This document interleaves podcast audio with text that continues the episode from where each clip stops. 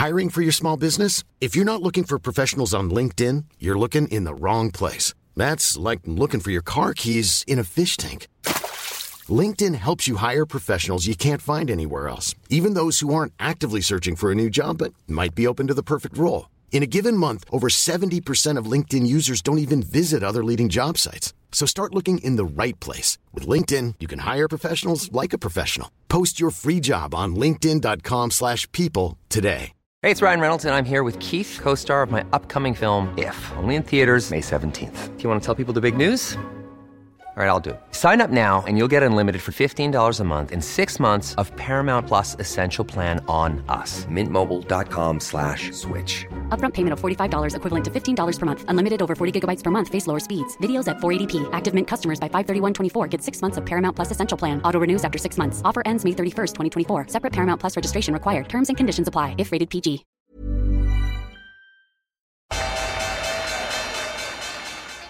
They mistook leverage for genius. Leverage for genius.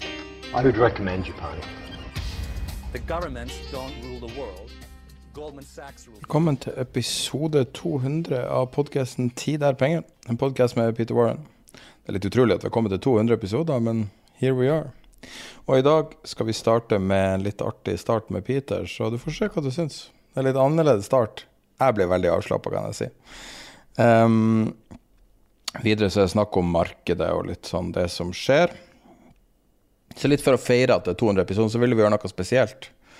Og så hadde vi et kommersielt innslag denne uka som var så bra at vi følte at det ble det spesielle vi skulle gjøre i dag. Så jeg anbefaler deg å høre gjennom hele det, for det ble skikkelig artig. Og det var knallgodt innhold. Videre så skal Peter eh, snakke litt om Argentum, og vi avslutter litt med en svar fra en e-post fra en lytter. Og så litt eh, fra en Patron-episode på slutten av episoden. Men da går vi i gang. Ja.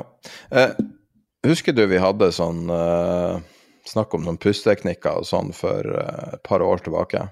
Da kjørte du litt sånn improvisert innpusting der du liksom, nesten som en yogatrener, eh, yogainstruktør, eh, satte opp en sånn bitte liten sesjon i podkasten. Kunne ikke vi ha starta denne episoden litt på den måten?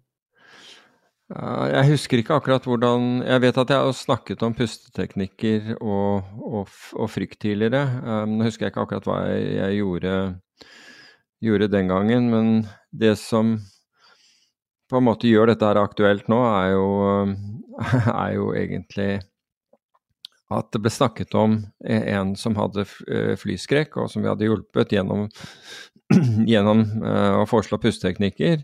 Jeg tror det var i forrige eh, episode. Og så, og så kom det et antall eh, reaksjoner fra lyttere hvor man ønsket å, å, å vite mer om det. Og det er sikkert de som har, som har flyskrekk, eller som har da eh, an, annen type frykt, da. Kan ikke du illustrere hvordan man gjør det? Jo, altså, det, det enkleste jeg kan forklare deg, er at du La meg ta utgangspunktet i for at, for at det skal bli logisk, la meg ta utgangspunktet i en situasjon hvor som skremmer, som skremmer deg. La oss, la oss bruke deg som et eksempel. Du, et eller annet, du reagerer voldsomt på et eller annet. Det kan være et eller annet i trafikken. Um, som du opplever, men som, som da gir deg eh, en fryktreaksjon. Og hvis du tenker da uh, hvordan, vil, hvordan tror du du vil puste da? Vil, Eh, vil, shallow. ja, riktig. Og, men vil pusten din være rask, eller vil den være sakte? Ja, definitivt rask. Definitivt rask. Ok, så rask pust. Hva med muskelspenningen din, hvordan vil den være? Vil du være avslappet i muskulaturen, eller vil den være spent? Eh, anspent, og grunnen til at jeg sier det, er at jeg tror at eh, hvis jeg har en dårlig dag, så bruker jeg å våkne og være svetta på natta. Da tror jeg du må anspenne deg ganske mye for å gjøre det. Ja, nettopp. Og så det vi må gjøre, altså det, det er så enkelt som altså Av og til så er det hjernen som styrer kroppen vår, men i fryktsituasjoner eh, hvor da dette er et senter i hjernen som heter amygdala, som er sånn eh, fight eh, i, i hjernen, når, det blir påvirket, så enten så reagerer vi da med, med fight eller, eller flight, men du kan også, noen går også i i freeze, altså noen helt frysmodus. Og så er det egentlig hvordan vi kan komme oss ut av den, den på en måte lammende frykten. Og det er egentlig ved å reversere de signalene som, som vi allerede har gitt til kroppen. Med andre ord øh, fordi du har opplevd noe, noe som, som, skremte deg. Pusten din er rask, pulsen din er høy, muskelspenningen din er, er, er, er høy. Så det første du kan gjøre, er, er, rett og slett å reversere det. Og da begynner vi gjerne med pusten, hvor du jobber for å få rytmisk pust. Bare jobbe til å begynne med, så, så, vil den være rask, rett og slett fordi du puster raskt pga. Av, av frykten, men fokuser på å gjøre den rytmisk. Pust inn og ut i, i rytmisk, eh, rytmisk, bevegelse. Ikke hold på pusten, ikke gå den type ting, men sørg for at pusten din går frem og tilbake. Og etter hvert som du gjør dette, og det tar ikke lang tid, så vil, så vil du kunne senke eh, pustingen din, altså eh, puste, pustefrekvensen din. Så går vi over, mens, mens, vi holder på den, så går vi over til å begynne å, å slappe av. Og det er særlig første stedet du kan, du kan slappe av, det er faktisk i, i kjeven, underkjeven, for den er som regel eh, Altså ved å gjøre dette for øvrig, så sender vi istedenfor at, vi, at hjernen sender beskjed til muskulaturen, så er det muskulaturen og kroppen, det fysiologiske, som sender beskjed til hjernen om at dette ikke er så farlig. Så ved å slappe av i kjeven, kjenne at underkjeven er, er avslappet, deretter kjenne at det avspenner nak nakkemusklene, bare egentlig prøv å gjøre det mens jeg snakker. Avspenn deretter når du kjenner at musklene dine er avspent, så slipp ned skuldrene. Nesten alltid, eller jeg vet ikke om et tilfelle, hvor, vi, hvor, ikke skuldrene kommer opp når, når, vi føler frykt eller når vi er anspent. Bare rett og slett taktilt kjenn etter, og dropp skuldrene. Kjenn på den der at, at, skuldrene kommer ned. For det gjør de. Du kjenner plutselig at skuldrene senker seg fort et par centimeter. Så ved å gjøre dette og kjenne den avspenningen gjennom kroppen og den rytmiske pustingen, så sender vi signaler tilbake til hjernen at vi er ok, at, vi, at, at frykten eh, slipper. Og etter hvert så kommer da, og pulsen vil da komme ned av seg selv, og vi får tak i oss selv. Det er en større utfordring når, når du står midt oppi den, denne fryktsituasjonen, f.eks. noen angriper deg på gaten, hvor du da ikke kan komme unna og puste, men allikevel like viktig er å være avslappet, altså jobbe med deg selv, prøve å få kontroll på på, um, på, på, tankene dine på hodet ditt. Altså det skjer gjennom pusting og å være avslappet i kroppen, fordi en avslappet muskel reagerer mye raskere enn en som er i full spenning. Så det er egentlig å reversere alle de tingene som du opplever at inntreffer når du, når du kommer i en eh, situasjon med, med frykt. Så det er den enkleste måten jeg tenkte at vi kunne altså I og med at det har interessert så mange altså det, fikk, det rare var at jeg fikk flere spørsmål nå. Uh, hvor jeg nevnte et konkret eksempel, nemlig en som skulle, uh, som skulle fly i ma mange timer, og som var veldig redd for å fly. Og som da hadde opplevd at det, at det hjalp, han hadde kontroll he på, he på, hele turen. Um, enn da jeg snakket om det første gangen, hvor jeg, hvor jeg gikk gjennom det. det. det. er tydelig at det praktiske eksempelet, det, det gjorde noe av, med at, at, lyttere kunne relatere til det. Til det. Så er det ganske interessant, eh, som er litt på siden, men, men, men, som også handler om frykt. Fordi i går kveld så var, eh, var det eh, første episode i sesong, jeg vet ikke, av Kompani Lauritzen og den begynner med at på vei til denne, denne leiren oppe ved uh, Jeg husker ikke om det det er Åndalsnes, det er vel ikke Åndalsnes, men i hvert fall oppe uh, på Vestlandet. Så, nei, iallfall i Romsdalen. Uh, så stanses bussen de er i, og så må de ut. Og så blir de bedt om å gjøre det man kaller militært baklengsstup hvor det er et stupebrett altså du må, som du må gå ut på. Snu deg slik at du ser innover mot brettet, og velte kroppen strak baklengs. Og det er et dropp på jeg vet ikke, kanskje fire meter, fem meter, et, et eller annet sånn bak deg, som for de aller fleste vil, vil synes å være høyt, og kanskje noen ville synes at det var høyt for å gjøre det forlengs også, for den saks skyld. Men, eh, men hvis man, for de som så det jeg, jeg, jeg, så på det der, jeg vet hvordan det der føles og hvordan man må, må, må kjempe med, med, seg selv. Og for en som er redd for høyder som, som meg, så, så, er det ganske krevende. Men du så hvordan de, som, hvordan de forskjellige taklet det. Og nå snakker jeg ikke om individene eh, med navn, men nå snakker jeg om rett og slett hvordan de forskjellige individene gjorde selve jobben, altså hvordan man kom gjennom det. Du hadde de som gikk veldig nølende ut på det, dette brettet og stoppet et godt stykke fra enden på det, og her bygger du opp veldig, veldig mye frykt. Og det, og det er ikke noe riktig eller galt, men for å gjøre en fryktmestring, så hvis du nærmer deg liksom én centimeter av gangen, så bygger frykten seg opp veldig i, eh, i, eh, i, i hodet.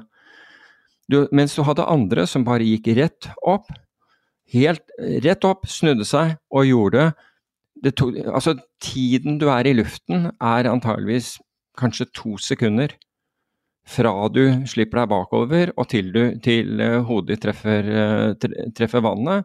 Det er bare det. Det er to sekunder med ubehag du skal igjennom.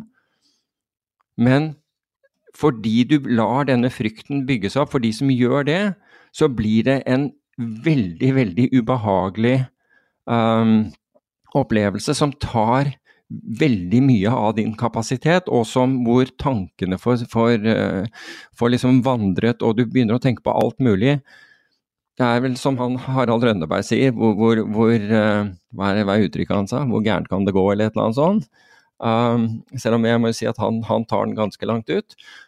Men i dette tilfellet så kan det ikke gå veldig gærent. Det kan ikke gå veldig gærent, men, men du kan stresse hodet ditt til å tro at dette her kan gå, gå fryktelig galt.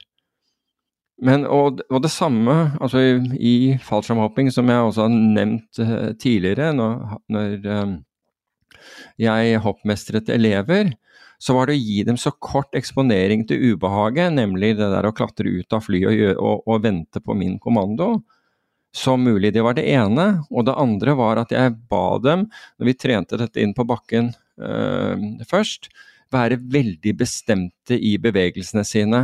For hvis du stikker hånden utenfor flyet for å ta tak i, i, i, i vingestaget, dette var høyvinget uh, Cessna-fly, og hvis du bare liksom tar ut hånden sånn forsiktig, så blåser jo den tilbake igjen, og du vil føle ganske mye frykt og ubehag. Tar du derimot hånden rett ut og griper den, som er ikke noe problem å gjøre, så bygger du eh, så bygger du på en måte en tillit og drar deg selv ut og er aggressiv i bevegelsene dine, bestemt aggressiv i bevegelsene, så undertrykker du eh, den frykten. Og du vil da også oppleve mye mindre frykt ved, ved å gjøre det.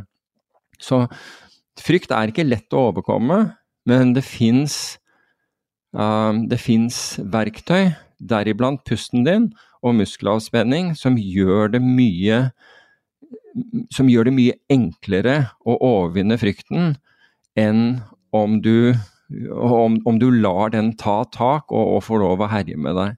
Så jeg har lyst til, egentlig på basis av disse Eh, disse, disse, tilbakemeldingene og gjøre noe. Da er kanskje Patrion det, det, bedre stedet å gjøre det. Som, han, som, da handler om frykt, og som forklarer frykt i, i større i, i, uh, i, mer detalj. Um, Vi kan filme det og legge det ut uh, sånn?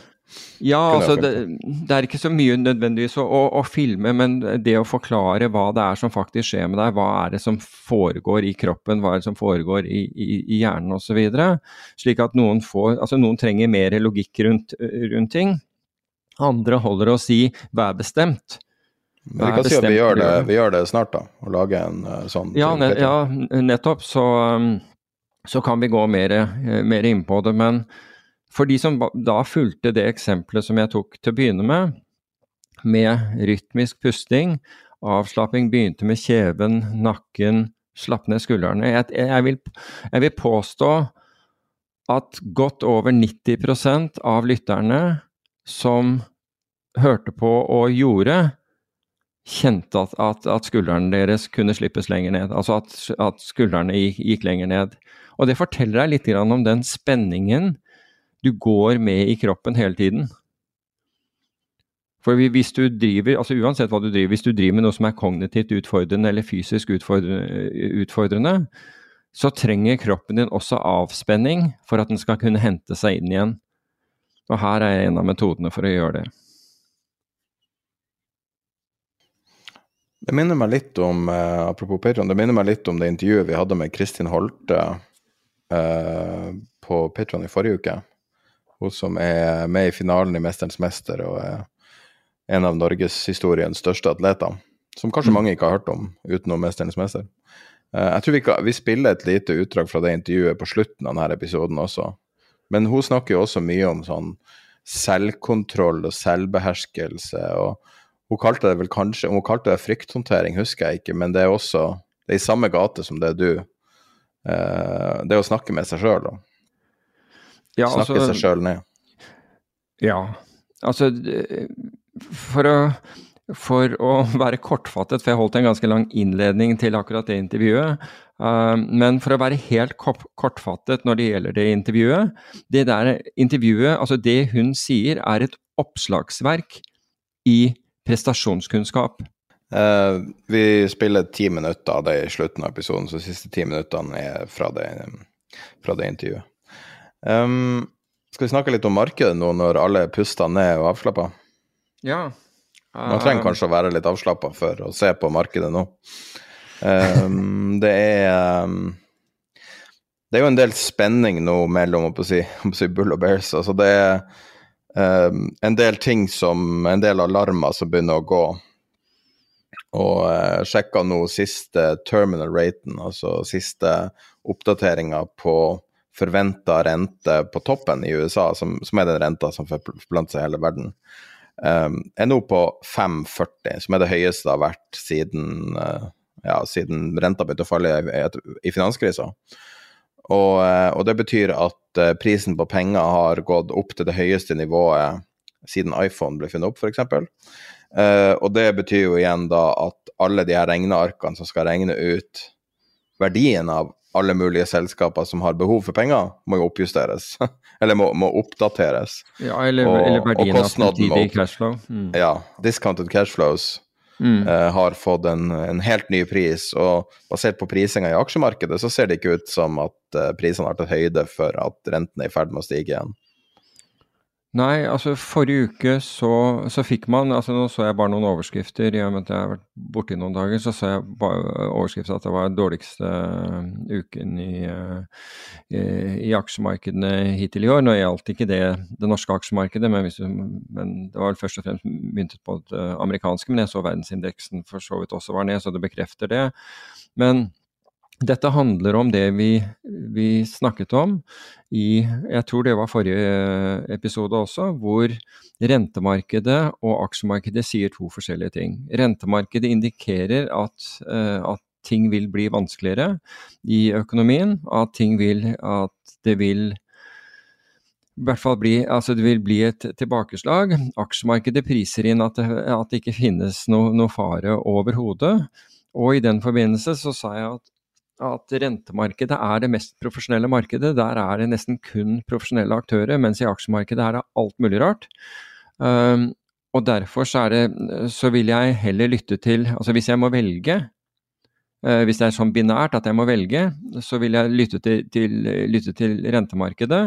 Hvis jeg ikke måtte velge, så vil jeg da reagere nettopp på det at de viser to forskjellige ting, og derav Én ting er når, når begge, går, når begge, uh, begge, begge indikatorene peker på det samme, altså rentemarkedet og aksjemarkedet.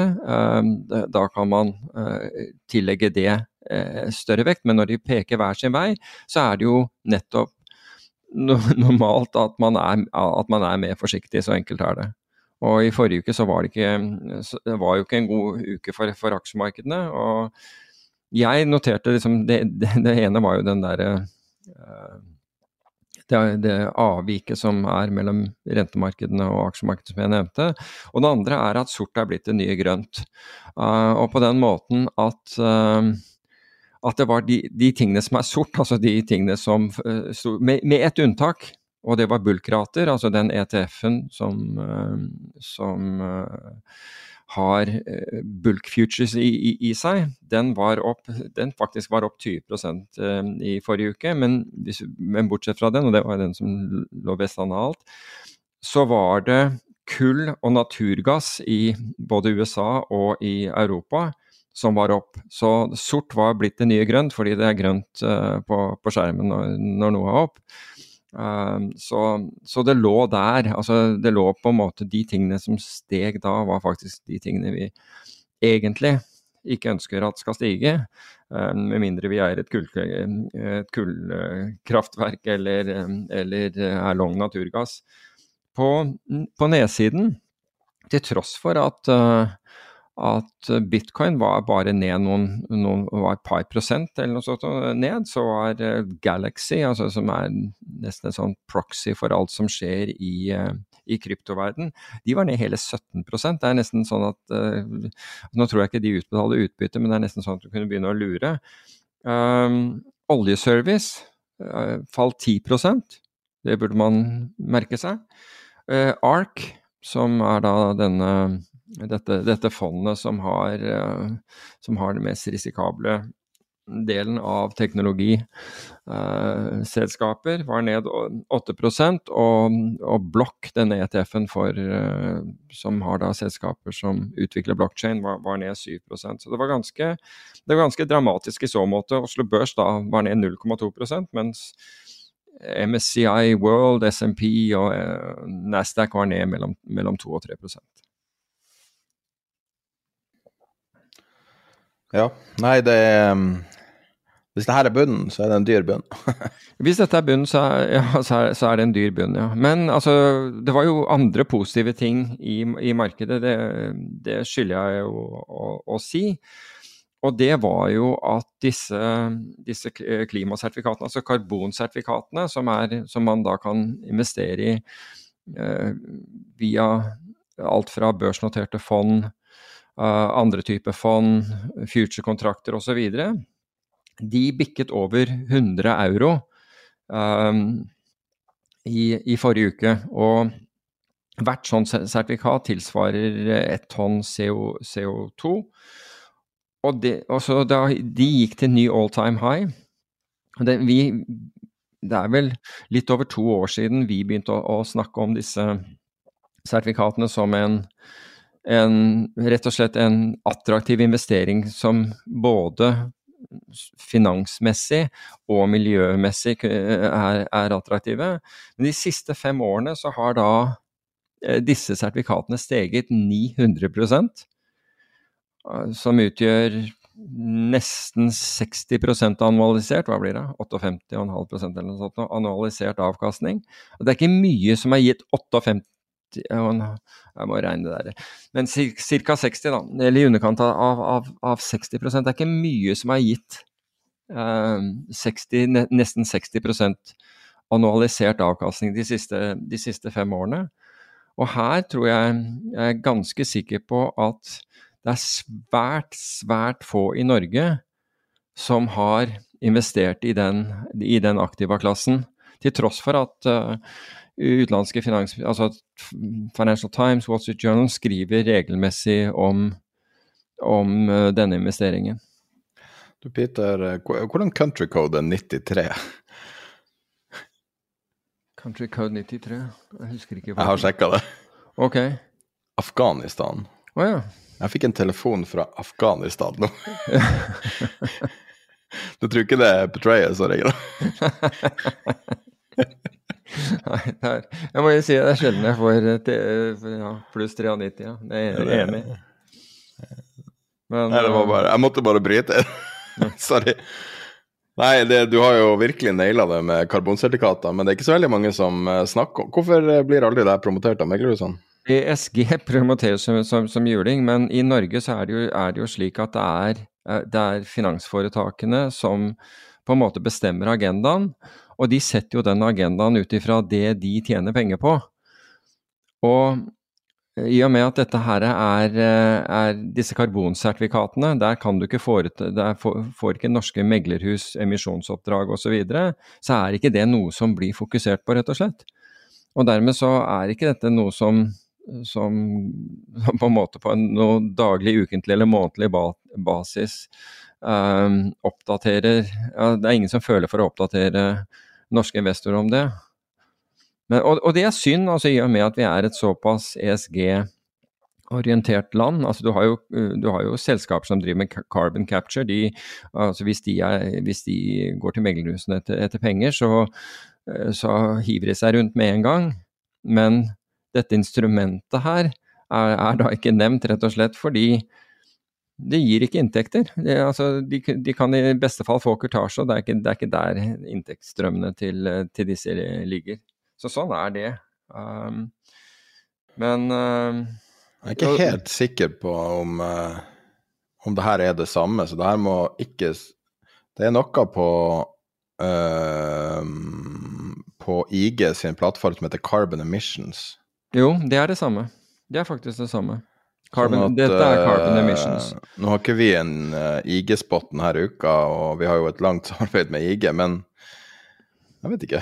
det... Jo, men, det, det, det, finnes jo på alle altså Du kan si at hvis du alle... Det finnes på futures, men folk har ikke futures broker. ikke sant? Så... Nei, altså enten det kan finnes på futures, det finnes, det, finnes mange ETF-er. Det finnes ETF-er som, som, kun konsentrerer seg om de europeiske markedet.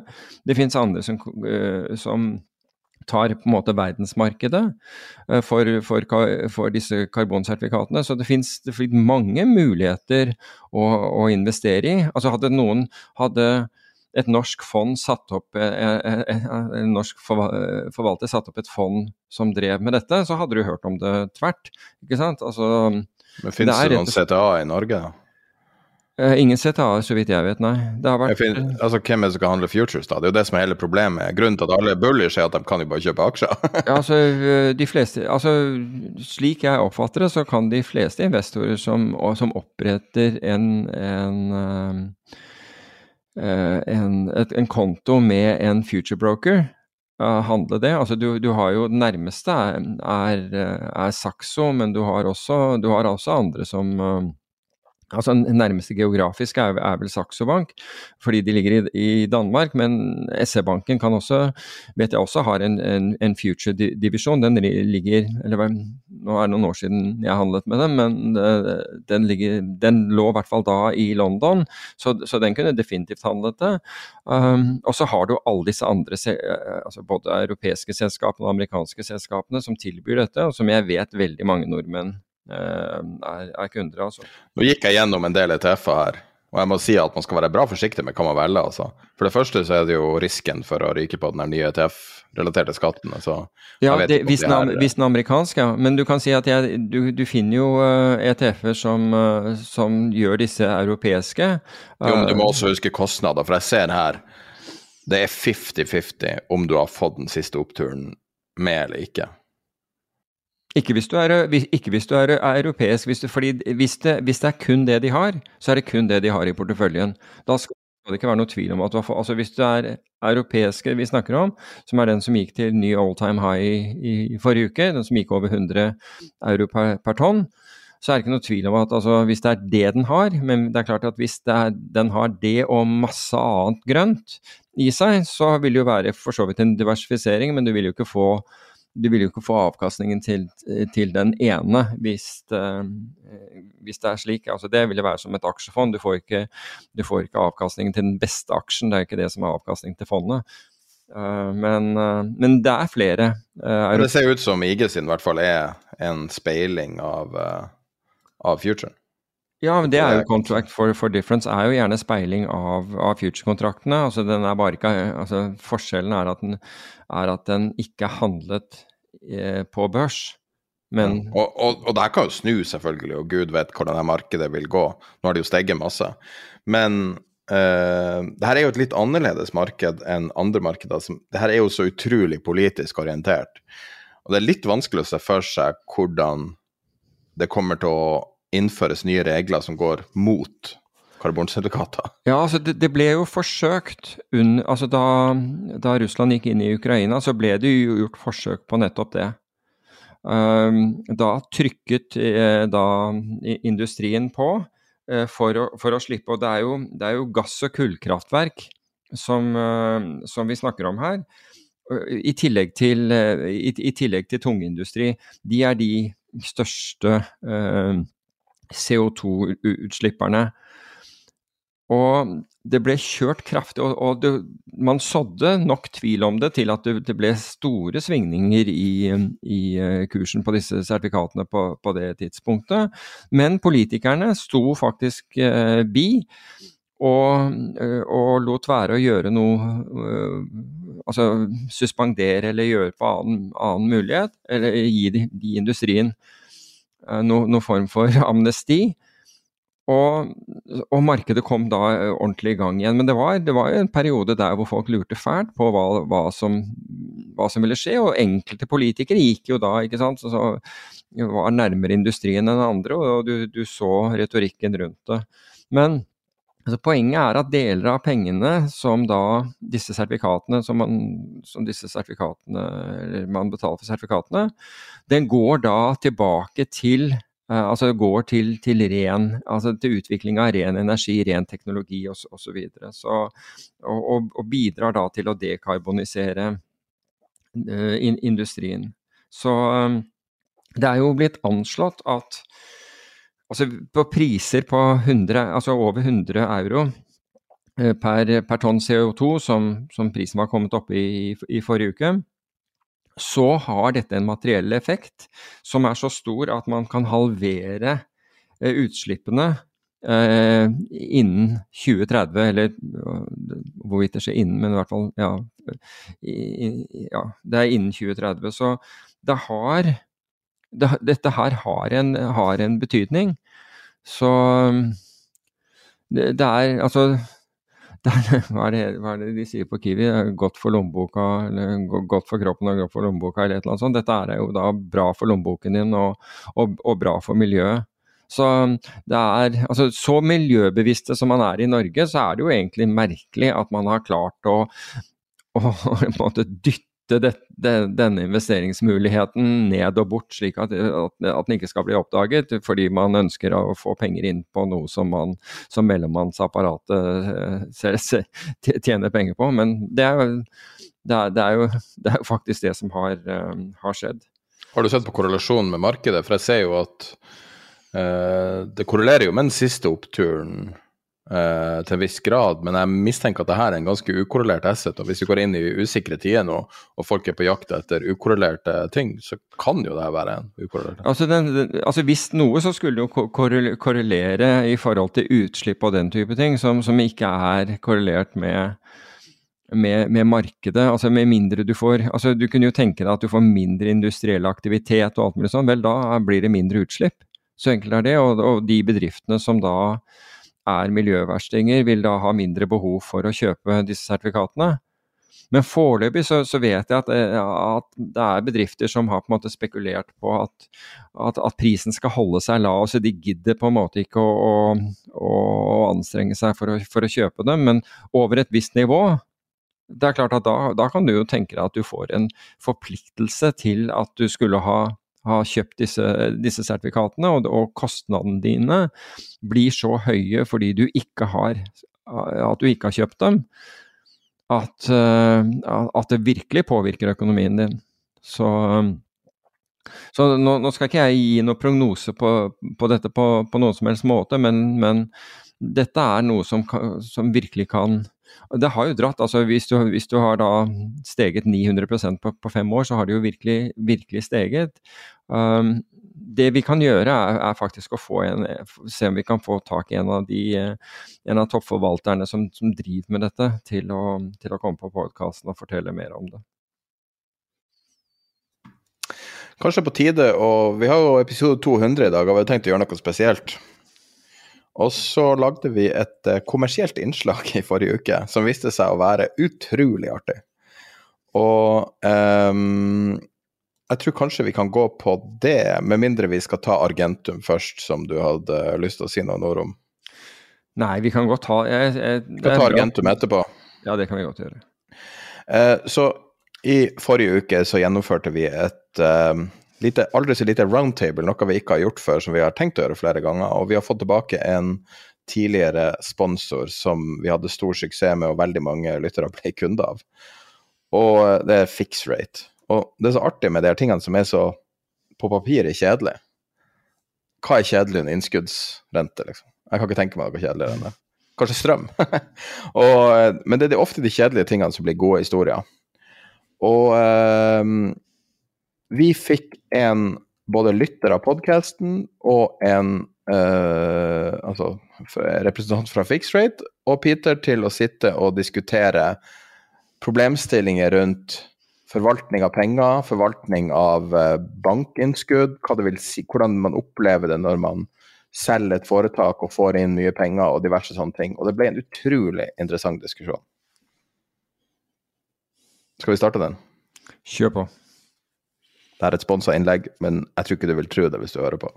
men Fixrate var jo uh, sponsor av Tid er penger i fjor høst. Og det fikk vi enormt mye respons på. Det tror jeg er kanskje den mest vellykka reklamen vi har hatt, sånn i forhold til hvor mange som har spurt oss om det etterpå. Og en vanlig ting som kommer i, i vår chat som vi har på Discord, så er det liksom Hva var det der selskapet som var et eller annet innskudd? Fordi at det, det satt dype spor. Og jeg sitter og ser på hjemmesida til Fixrate akkurat nå. Nå er det 3,58 som er dagens beste tilbud, og det er nesten 3 milliarder som, eh, av innskudd som søker, søker kunder. Um, Brynjar, kan du fortelle litt om, om, om, hvordan det har gått det siste året? For det virker jo som dere har hatt et uh, bra år, og, ja, og, og hvordan volumet deres ser ut? Ja, det kan jeg gjøre. Vi har jo, det har jo vært full fart, for å si det, for å oppsummere det veldig raskt. Ehm, vi, vi, hadde jo en periode altså når, når, renta begynte å stige her i juni 2022, så oppdaga vi jo at eh, veldig mange SMB-er begynt å finne oss digitalt. da, altså ja, Via nettsider og via tips fra andre osv. Så, videre. så vi har jo hatt en brutal vekst. Eh, der vi har økt kundemassen med ja, kanskje 110-20% bare i høst.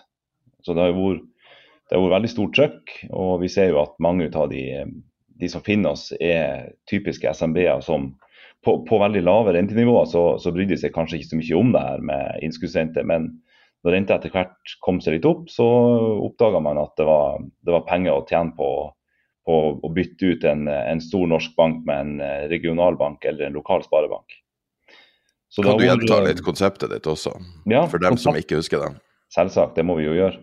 Altså Utgangspunktet her er jo at um, det finnes tusenvis av norske bedrifter som, som har en, en, million eller to eller ti eller 20 på bok som eh, ja, veldig typisk står plassert på lave innskuddsrente. Og, og, kanskje er man litt søvnig rundt det. Men det er jo klart det er ikke uten grunn at man har altså Norske bedriftseiere og økonomisjefer er jo ikke dum. Det, det, handler jo mer om at det har vært veldig tungvint å gjøre noe med det. Altså Pengene har stått plassert på en konto med lav rente. og Vi har da laga et konsept som er skreddersydd for denne type bedrifter. Altså bedrifter med penger på bok, et konsept som gjør det veldig lett å flytte penger til banker som faktisk er interessert i pengene dine, og som faktisk gir deg en, en brukbar innskuddsrente. Så, så, det er egentlig tre, tre, ting vi gjør på vegne av kundene. Vi, vi, gir en transparens ved at en kunde kan, en, bedrifts, en bedriftseier eller en ja, økonomisjef kan logge inn på vår nettside og finne priser fra ja, det er vel nesten 60 banker som annonserer hos oss. Eh, altså, altså, vi gir dem transparens og tilgang til et marked. Og så har vi forenkla dokumentprosesser og skapt en enkelhet i det å opprette en konto. Um, og Det er en lang historie på hvordan det der var før i tida, men det var jo ikke enkelt, for å si det forsiktig. Uh, også Det siste verdiforslaget handler om rapport. Um, om en bedrift skulle finne på å spre pengene til flere banker, så vil ikke det være noe stort problem via vår portal, fordi at vi samler rapporteringa på én plass. Så det er egentlig en helhetlig løsning for å håndtere likviditet og for å håndtere bankinnskudd. Og en, eh, en, typisk kunde hos oss, eh, Sverre, han kommer inn og, og har kanskje 10-15-20 millioner som, som han ønsker bedre rente på. Um, og sprer da pengene til en plass mellom to og fem banker. Uh, og får gjerne en plass mellom 1,5 og 2,5 bedre rente enn hva han hadde i utgangspunktet. Så konseptet handler om å skape enkelhet og gjøre det veldig lettvint for bedrifter som har penger på bok. Så vi gir enklere tilgang til bedre betingelser, kort eh, oppsummert. Uh, jeg har litt egoistisk spørsmål å stille deg. Hvordan funka det forrige gang dere var her? Fikk dere mye respons? Ja, og det, jeg syns jo det er kjempeartig. Um, det er klart, Vi har jo et nytt konsept. Det er jo, og vi kommer jo fra intet. Og det her med, altså de her Pengene er jo veldig viktige for de her bedriftene og bedriftseierne. Det er jo penger man har bygd opp over mange år. Så vi kommer jo med blanke ark inn i et marked som er veldig tillitsbasert. Og det var, jo, det var jo artig å se den responsen vi fikk. Eh, vi, vi, eh, vi, kjørte jo en annonse, en kampanje via dere. Eh, han en samtale i deres podkast. Og jeg tror jo at vi traff veldig mange som, som eh, av lytterne deres som, eh, som sitter der med noen kroner på bok. da. Eh, så responsen var jo helt fantastisk for vår del. Det var jo ja, eh, de her karene som sitter og hjelper til og sitter på support hos oss, og um, de, jeg tror de var rimelig svette i perioder, for det hagla jo inn med henvendelser og spørsmål. Så det, det, det, var utrolig effektivt, det må jeg si. Um, og jeg tror det virker for meg som at dere har en, eh, ja, en lyttermasse som, uh, som, har tillit til det dere snakker om, da. Um, og som har tillit til at dere har gjort en due diligence på, her, ja, på oss. da. Ja. Så for meg så Ja, det var, det var, helt klart at vi nådde ut gjennom den kanalen der, da. Det må jeg absolutt si. Jeg må si jeg sitter og gliser her. Peter, gjør du det samme? Ja, altså jeg, jeg, ydmykt så, uh, må jeg si. For jeg er jo, altså jeg er jo glad for den betegnelsen. Det er jo egentlig det vi, vi forsøker å oppnå. Uh, det er jo akkurat de tingene som, uh, som Brynjar er inne på. Vi forsøker jo det der og dette med å, å, å være vår være tilliten vår, som, altså tilliten til, til lytterne, veldig bevisst i, i, det vi sier. Så, så sånn sett uh, sånn sett er, er, det, er, jeg takknemlig for det. Um, men, vi, men, hvis jeg kan fortsette litt på det som Brynjar er inne på, så er det jo at, at dette er jo rett produkt til rett tid. Altså det er jo et, for det første så eksisterer et behov et behov som har vært uh, delvis skjult pga. veldig lave renter. Så folk har, ikke, har tenkt at liksom, jeg bryr meg ikke så mye. Det, det, det, er ikke så store forskjeller. Nå er forskjellene uh, betydelige. Så du har, behov, du har, et underliggende behov, og så har du fått den, den tidsmessige uh, At det er tidsmessig riktig nettopp pga at rentene nå har liksom begynt å bevege seg oppover. Så dere er jo på en måte Dere er jo i akkurat den I the sweet spot uh, sånn sett. Og så har du, har du dette med at, at det er en det, det, tar tid for altså jeg, Min opplevelse altså Vi har litt forskjellige opplevelser her, men min opplevelse er jo at, at veldig mange eh, bedriftseiere er er dessverre bevisstløse på akkurat dette området, fordi det er ikke deres fagfelt. Så det er fint at det står penger på konto, men det blir kommentert av og til at du burde ikke disse pengene, burde vi ikke fått noe, noe rente på disse pengene. Men så har man en viss grad av lojalitet til banker og tror hele tiden at banker vil ditt beste, og, og ser ikke at banker i, i mange tilfeller er, er, din motpart. da.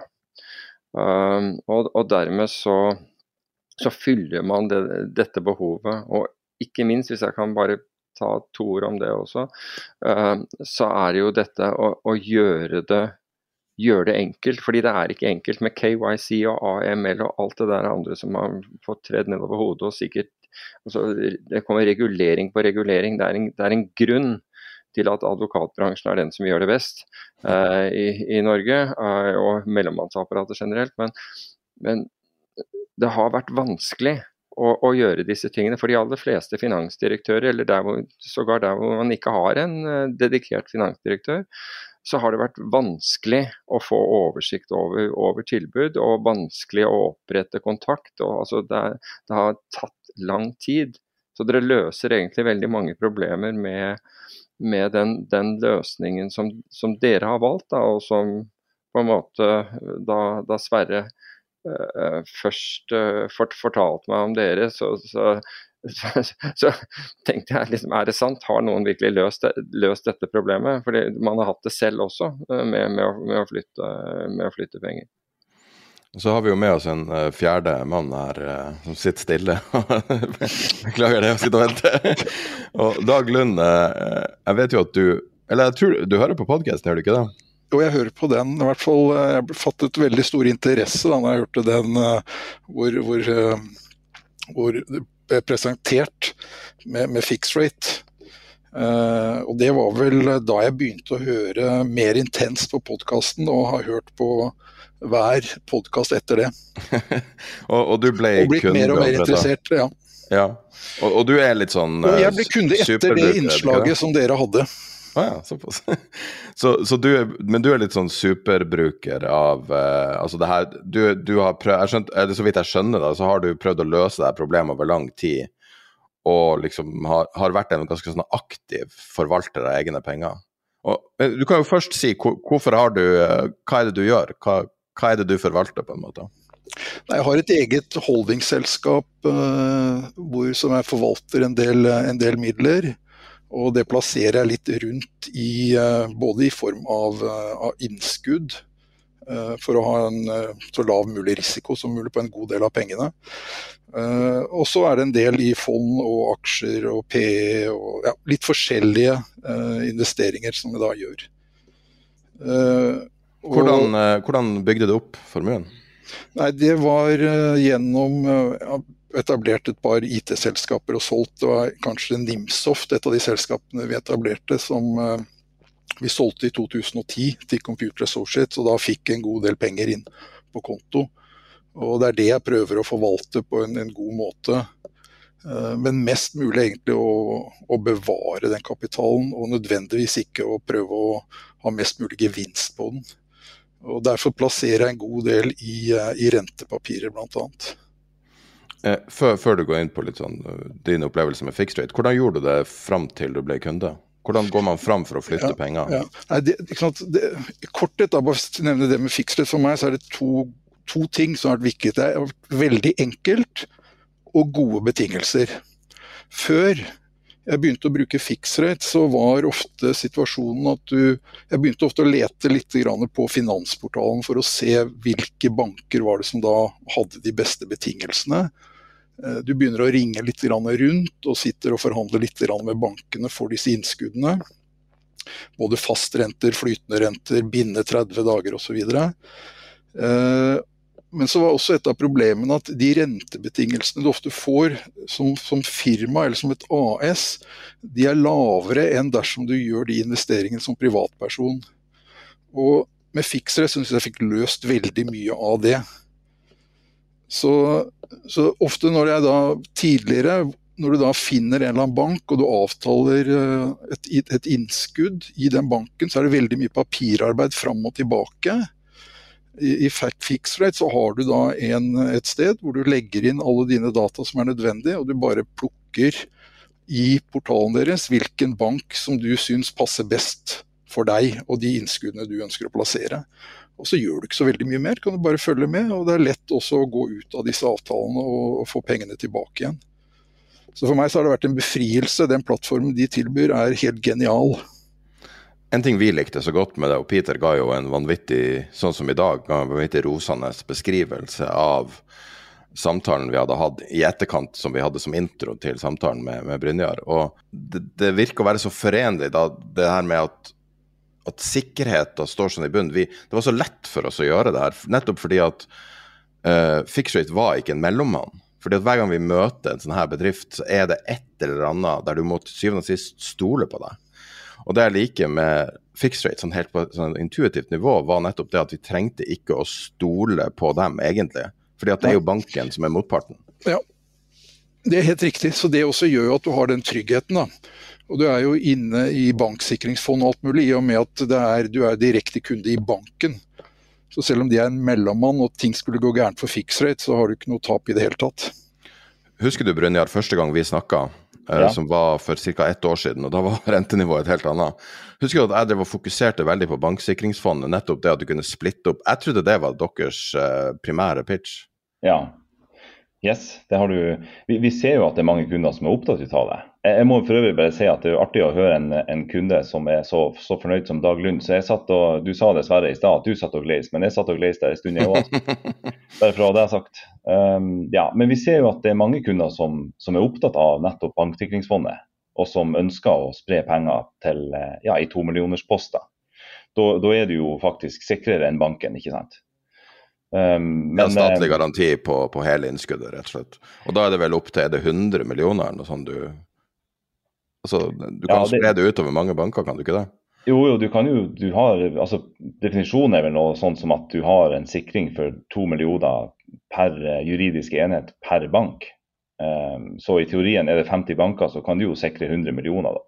Vi har, vi har, jo ingen kunder som er så ekstreme, men vi har jo kunder som har sikkert uh, eh, 12-15 sånne tomillionersinnskudd. Det har vi. Uh, og jeg tror uh... Hvis vi lærte én ting av 2008, så kan du ikke alltid stole på banken? Nei, det kan du, det kan du si.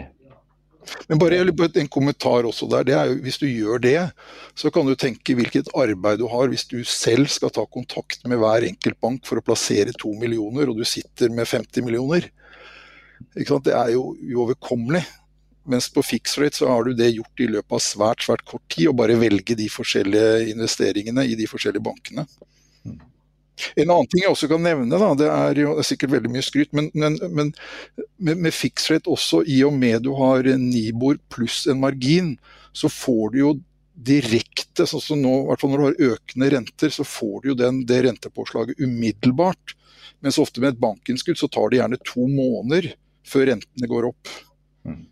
Du får bra reklame her, Brynjar. Ja. Bare argument etter argument. jo, men, men sånn, det en dag sier der med valget av Nibor i bunnen, det, kanskje, det begynner å bli veldig nerdete, men, men det er jo Vi valgte jo det fordi at altså, proffmarkedet har forholdt seg til Nibor pluss en margin i, i, alle år. Og det er jo fordi at det gir jo den mest rettferdige renta. Du kan jo si at altså, du unngår jo den kortspillinga som, som, du ofte opplever når du har en bank som motpart. Og og Dessverre er det sånn at spiller du kort med banken, så er det som regel de som, som vinner. ikke sant? For de, jo, de, har jo svart belte i det.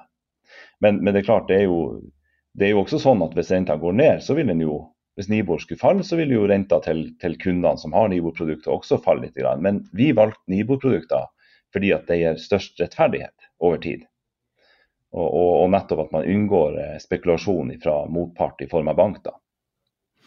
Eh, Peter, bare for å, det, det var tilbake til det med, med banksikringsfondet. Jeg, jeg, husker at jeg, jeg jobba for en uh, veldig rik mann i 2008. Jeg husker jeg så uh, en uh, veldig profilert banksjef komme inn i bygget, og jeg vet at det, den samtalen handla om du må ikke ta ut innskuddet. vær så snill, ikke ta ut innskuddet du har i banken. og den personen måtte jo da stole på banken med hele innskuddet. Uh, Peter, husker du uh, at, at, folk begynte å bekymre seg for uh, stabiliteten på banker, og at du fikk du høre noe om det? Ja, absolutt. vi ble jo også kontaktet av, av, av folk vi kjente. Det Blant annet var dette her en, en bedrift som nå riktignok er solgt ut av, av, landet, og da var det da var det rett og slett landets største bank som, som ba, ba, dem om å ikke trekke ut innskuddet. Så, så det var og jeg husker jo for, for, egen del også, for vi hadde, vi hadde, jo stort sett banker og investeringsbanker som uh, motpart. Og vi var, vi var, svært bekymret i, uh, i, i den uh, perioden. Rett og slett for at, at, at, flere skulle altså Vi hadde da Limen som ingen hadde trodd, og så at, at det var liksom den første i en, en brikke av dominoer.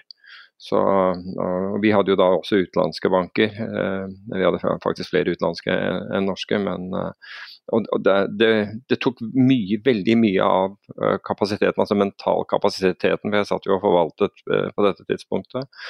Og mye av mentalkapasiteten rett og slett til å, til, å, til å, flytte penger rundt for å sørge for at for, for å redusere vår egen risiko. Men Syns du at bank er blitt et reelt alternativ til andre investeringer. Altså, jeg sitter og ser på fixed rate nå, 3,58 dagens beste tilbud. Siste handel er 3,48% Og du kan putte inn uh, flere milliarder. Mm. Altså jeg vet ikke per bank, men totalt etterspørsel innskudd på 2,9 milliarder, milliarder akkurat nå. Er det her blitt et reelt alternativ? For det er jo ikke så veldig langt unna bare å, å nulle ut inflasjonen nå. Altså Det som fixed rate har gjort, er jo, er jo å effektivisere finans. Og vi har sett det, det skje i f.eks. i aksjemarkedet, hvor det var en av de første stedene hvor det skjedde, hvor du fikk desentralisert handel osv. Og, så og, og konkurranse. Og resultatet av det var jo at marginene til meglerne, altså kurtasjen, gikk voldsomt ned. Uh, til fordel for, uh, til fordel for, for kundene så har, har, man forsøkt å både effektivisere og demokratisere valutamarkedet. Og det har, vi, og, og det har man til viss grad lykkes med. Altså, de, de små må betale fortsatt altfor mye, men, men, de store gjør ikke det. De får interbankrater. Fixrate er det som er egentlig det samme som en interbank-dealer var tidligere. Altså, da jeg satt i bank, så gjorde vi jo dette hver eneste dag. Altså, vi hadde innlån og utlån med, med med, an, med andre store motparter der ute. Og det gikk jo på den beste kursen. Det var jo gjerne overnight-penger, men det kunne også være lengre penger. Men da fantes det et interbank-megler og informasjonssystemer som fortalte oss hvor vi hvem, hvilken bank det var som, som, som bød høyest, eller hvor vi, hvor, vi, kunne låne inn, inn billigst. Så Fixrate gjør denne jobben, og dette er, dette er virkelig demokratiseringen av, av finans og en, et enormt sånn skritt uh, forover. Fordi dette lar da eh, brukeren, altså sånn Dag, meg, bedrifter, umiddelbart se over markedet og hit the best bid hvis du ønsker det. ikke sant? Altså det er, du, du, kan, du har muligheten som ikke har vært tilgjengelig for annet enn de, de proffe aktørene tidligere. Den er nå blitt Altså Proffmarkedet er, er blitt, blitt, til for, for, for, nær sagt alle. Og dette, dette er bra dette bringer, dette bringer, oss videre. Det er det som på en måte gjør eh, Reduserer kostnadene våre, øker inntektene våre. Og det spiller en rolle. Jeg må bare si til, til Dag at uh, veldig uh, jeg, jeg, skjønner absolutt hvor, hvor, du kommer fra og, og, det du driver med, men jeg kan fortelle med, med å fortelle historien din her, sånn, så kommer du, kommer du, til å få mye meglere på tråd. Du bør, du bør, slå, du bør slå av mobiltelefonen din for resten, resten av vinterferien. Jeg får ganske mange telefoner allerede, så da blir det vel ikke noe mindre. Så.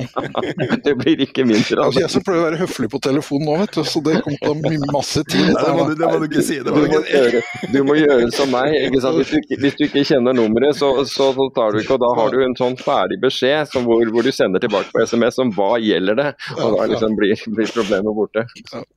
Men mange drømmer jo om å bli rik. Liksom. Mange drømmer jo om å selge bedriften sin, og nå skal du sitte på en yacht, og skal du kjøpe deg Lamborghini, og så skal du alt det der. Men, men min, min intuisjon sier at livet forandrer seg ikke så veldig mye når du selger det, du, og, du løser masse problemer, og så lager det masse nye problemer. Hvordan er det å gå fra den ene til den andre ut?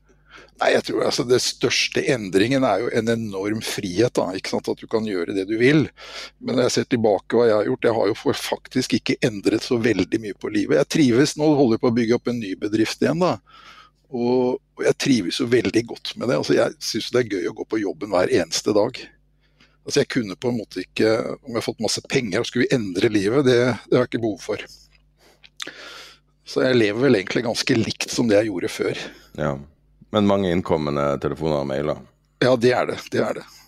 Det... Men du har etter hvert sant, du har etablert et godt nettverk, i hvert fall når det gjelder det at du ønsker å ha noen som altså, jeg, jeg, driver jo ikke med, med, finans, det er jo ikke det området jeg holder på. Så jeg er jo avhengig av å ha folk som har, har god kompetanse.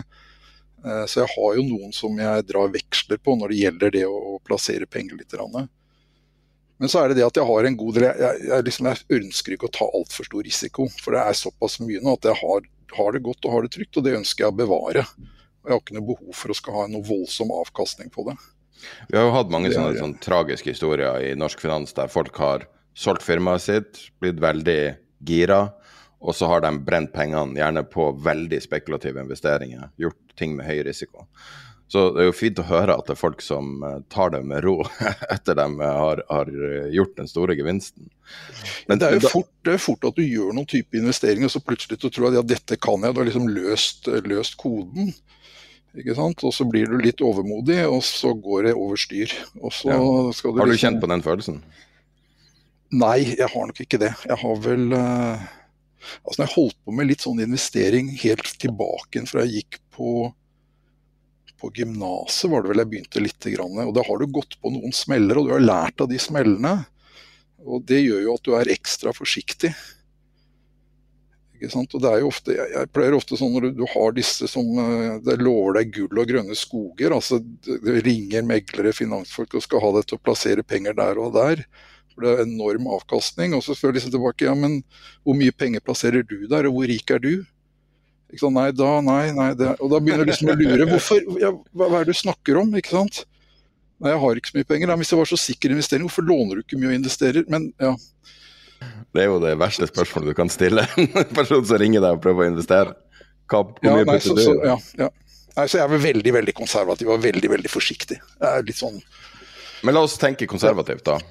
Vi kan spørre alle tre, da. fordi nå har vi jo, nå har vi jo gått gjennom en uh, litt kort fase med veldig optimisme. At uh, nå skal det bli uh, en ny opptur, og renta skal tilbake til null. nå er det ikke måte på hvor rik alle skal bli igjen. Det var vel en måned det varte, eller noe sånt. Og nå begynner renta å stige igjen. Og vi ser på den terminal raten i USA, altså der hvor renta skal toppe seg ut, der er forventa 5,5 ca. Ser at forventningen til neste rentemøte i USA er litt mer spredd enn det var bare for en uke siden.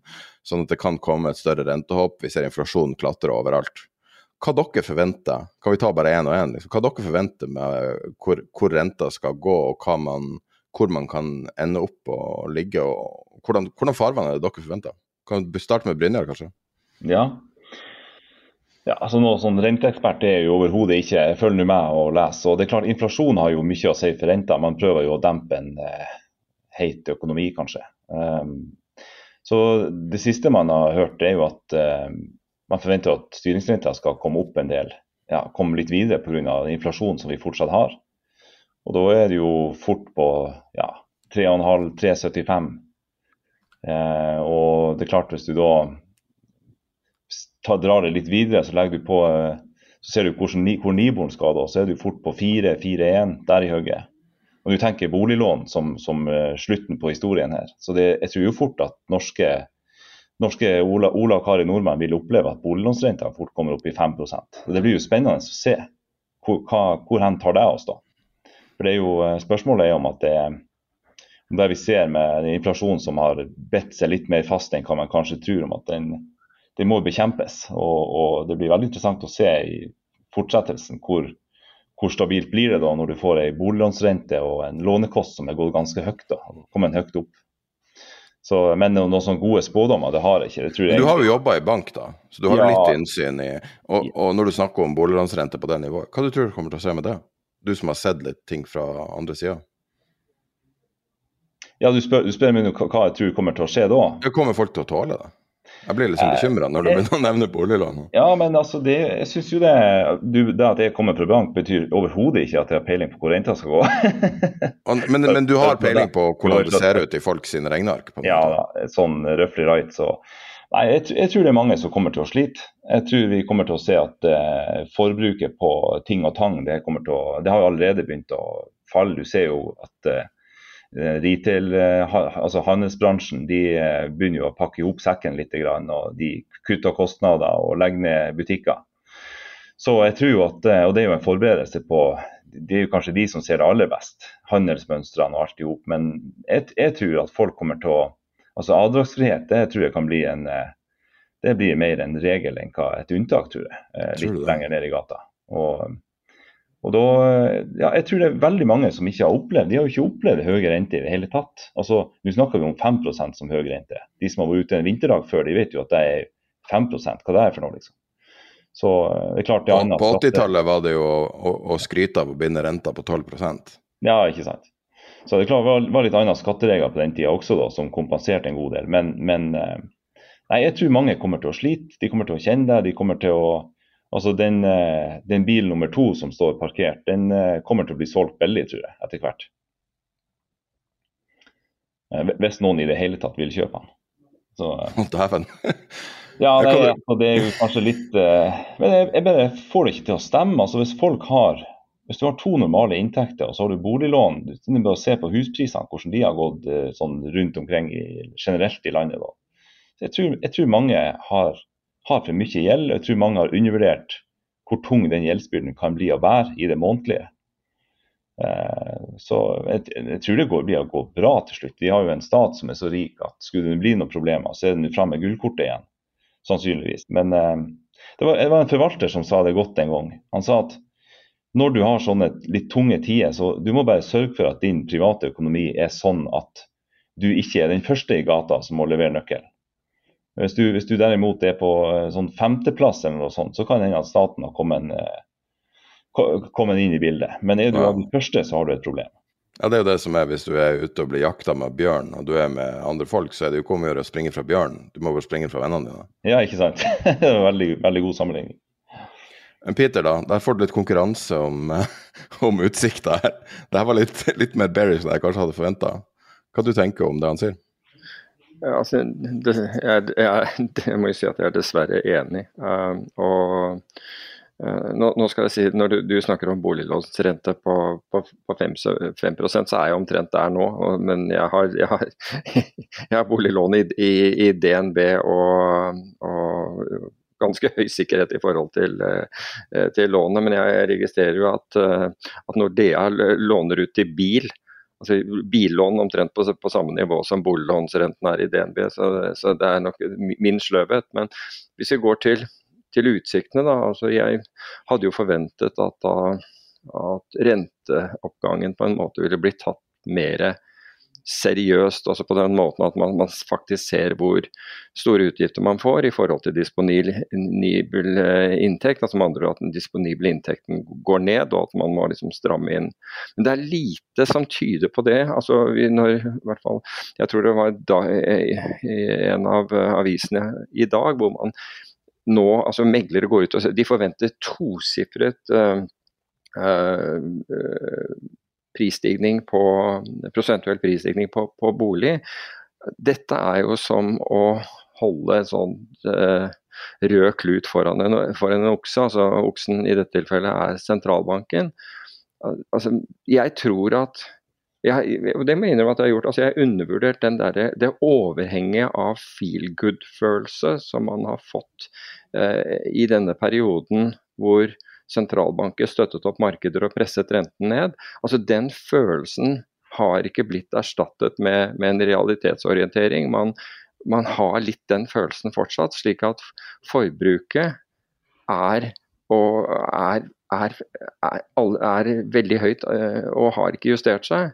Og det vil være et rødt, eh, sånn rød klut for en sentralbank som da skal bekjempe denne inflasjonen. For jeg hadde egentlig trodd at, at vi, hadde, vi, hadde, toppet ut, og at vi ville nå at markedet ville justere seg. Men dessverre så har ikke markedet eh, justert seg noe særlig til, eh, til disse høye, høye rentene og, og den prisstigningen, annet enn de som allerede slet, for å si det på den måten. Altså, Det var nok dyttes flere ned i under fattigdomsgrensen, dessverre. Og vi hører jo stadig om det.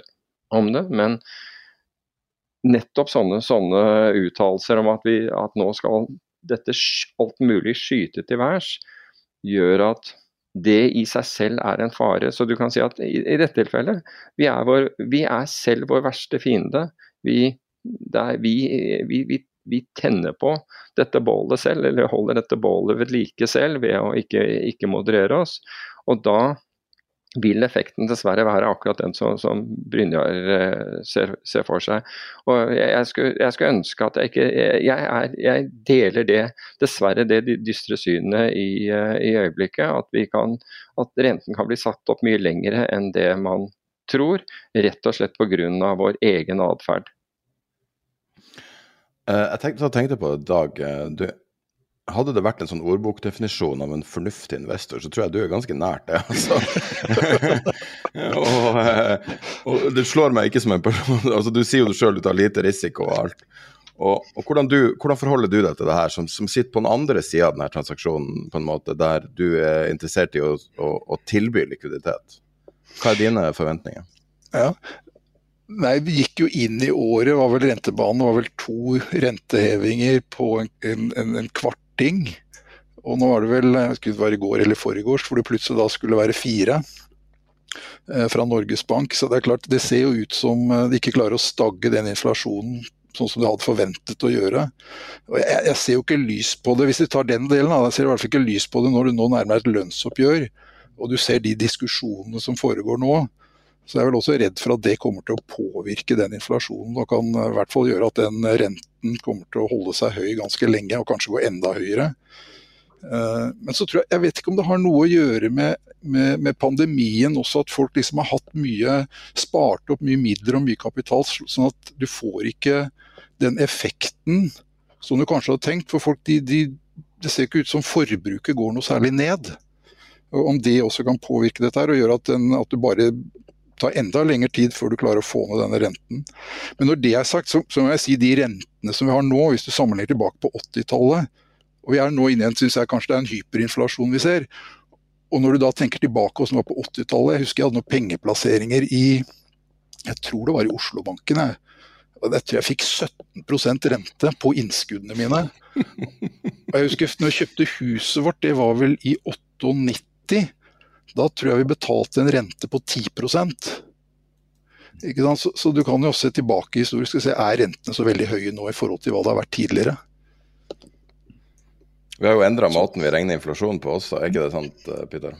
Jo, det, det er også korrekt. Men hvis ja. jeg kan bare gripe tak i noe som, som, som Dag sa, og, at han liksom frykter dette med, med lønnsoppgjøret. og Helt, helt enig med deg. fordi men når det nå viser seg da at regjeringen ved det forrige lønnsoppgjøret visste allerede da, men, men ikke fortalte det, at eh, de inflasjonsforventningene de hadde gått ut med, ikke stemte, så, så fikk vi da et, et, for lavt det kan man kalle det da, et for lavt lønnsoppgjør, fordi det ble basert på den, de inflasjonsforventningene som var den gangen. Og Det man jo da gjorde, var å forskyve dette problemet i håp om at alt skulle være bra nå. Men i mellomtiden så har situasjonen blitt verre. Og nå, nå vil sannsynligvis ikke partene i, i lønnsoppgjøret. Jeg hørte en, en, en, arbeider, jeg husker ikke hvilken bedrift det var, eh, på, på Dagsrevyen som sa 'jeg skal ha pengene mine'. Så han hadde, tenkt, altså han hadde ikke tenkt å vise moderasjon gang nummer to. Han, han, han gikk på den første gang, men liksom nå han, han er ikke the even bigger fool eh, ved, ved neste.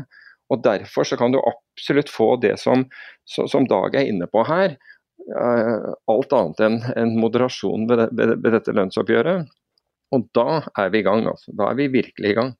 Jeg kan, jeg kan bare fortelle at nevøen min kjenner på inflasjonen også.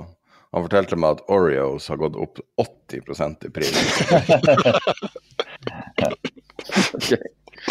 Han får gå på sånn Mariekjeks eller et eller annet. Ja, med, da, Vi skal til Sverige og handle nå. Når vi kommer til byen, det første jeg vil gjøre, var å dra til Sverige. Der, der ble middagsplanene mine endret. Hvis det er hans uh, ja, worst case, så tror jeg det går bra med han. Men det, det, er jo som du sier, Peter, for jeg tenker når, når, du får altså et statsbudsjett hvor du legger opp til hva var det, en prisvekst på 2,8% og alle visste jo på det tidspunktet at det var jo helt feil. Mm. Og så kjører du det løpet videre. Og så ser jo her at nå må de begynne å justere inn, ikke sant. Etter å ha begynt å, å annonsere besparelser rundt kanskje spesielt i helsesektoren. Og så nei, de skal opprettholde det samme nivået og skal begynne å da gi penger ut. Det må være frustrerende å drive en sånn bedrift eh, når du får sånne beskjeder. Ja, det, blir nesten umulig, ikke sant. Altså du får en uh, altså det, og det, vi, det, har vi jo allerede sett. altså Dette, dette utløser en form for sinne. altså Reallønnsvekstløftet osv. Det utløser en form for frustrasjon som deretter blir, blir, sinne. Og så har man helt sikkert fra regjeringens ståsted regnet med at dette problemet altså det, dette vil være over nå, slik at man ikke trengte å ta et oppgjør med, med dette. Men vi, realiteten er, er, en annen, og da, da blir det tøffere Eh, eh, i denne runden. Men nå, nå, vet jeg, for dette, dette, klarte jeg å gjøre ved, en, ved, en annen, ved et annet tilfelle. Det å, å uttale seg om lønnsoppgjøret, det er livsfarlig. Uh, Da var det, jeg, husker, jeg husker ikke hvem jeg, hvem jeg klarte å få en forside med på en eller annen avis da, men det, det å, en eller annen LO-kar, og det, det, var tydelig at det, det, var ikke lurt. Ok, Så nå kan jeg ikke bare forvente telefoner fra finanssektoren, nå blir det også fra politikerskaren òg, da? Ja, for, altså, for dette var, i, dette var i, da, i, i, 2008, og vi vet hva som skjedde i 2008, men forventningen til lønnsoppgjøret var, var høye. og Jeg forklarte at liksom, med det som hadde skjedd i 2008, 2008 så var de forventningene altfor høye i forhold til hva, hva, man kunne innfri. Det skulle jeg ikke ha sagt. da var jeg for øvrig da var jeg også på Trysil hvor jeg er nå, og det var bare å gå i dekning. du har jo der, eh, Peter fant jo på det, det ordtaket som er de, de tre H-ene. Og du har jo på den første H-en, så det er jo bare hagle hermetikk igjen nå. Ja, ja her, her, er alt. Her er alt. så nei, Uff, uff, uff. Nei, Det var utrolig artig å snakke med dere. Altså, det her gikk jo over Eller det gikk akkurat sånn som jeg trodde. Jeg visste det kom til å bli bra. Jeg føler ja, du fikk Her har vi lagt ut snublebluss i tillegg, bare så det er sagt.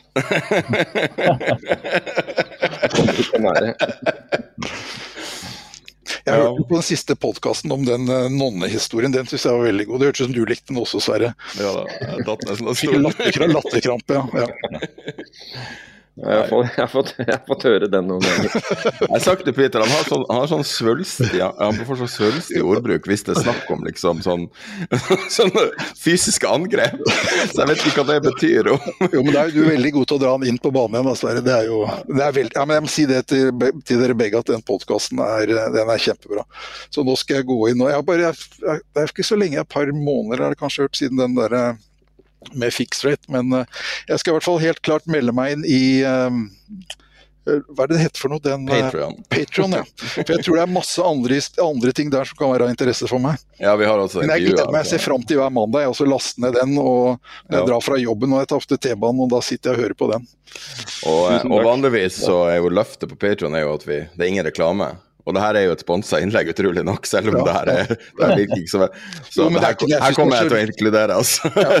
det er ikke noe å ta ut det her. Nei, men de reklamesnuttene er så småsvære, så det gjør egentlig ingenting. Det er liksom Nei, ikke sånne veldig lange, lange deler der.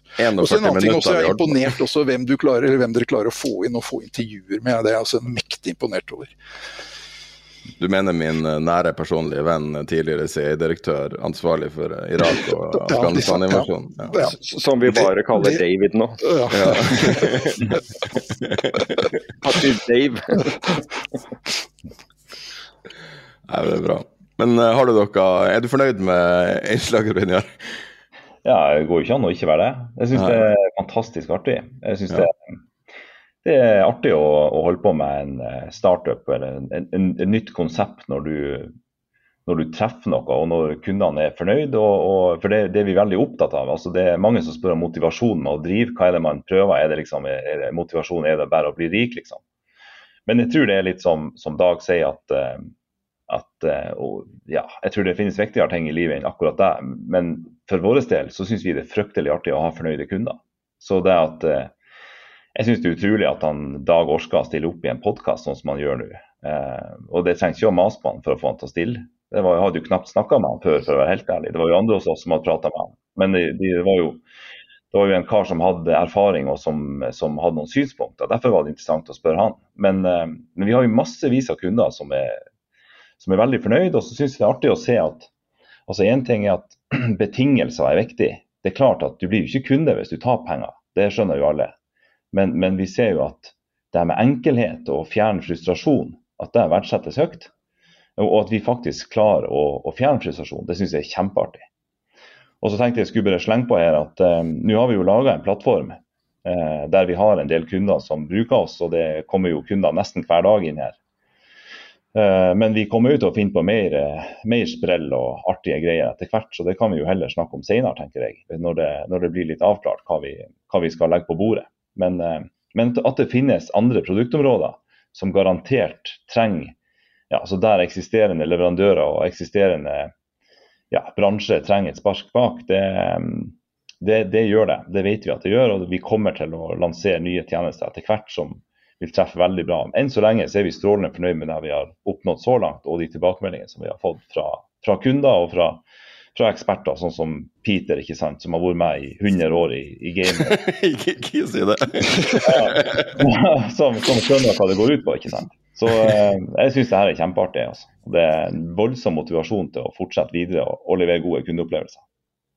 Altså jeg vil jo si at altså Fellesnevneren for, for, dere begge, men kanskje for, for, oss alle fire egentlig, det er at vi, vi brenner for det vi driver med. Og det, det, er jo det som er, sant, som er den, den, den, drivkraften utover det man snakker om det, det pengemessige og sånt, at man faktisk brenner for, for det man driver med, trives med det man driver med, ønsker ikke egentlig en, en annen hverdag, men, men, ønsker en hverdag som er, er fylt av, av, interessante utfordringer. Og det, og det skinner igjennom.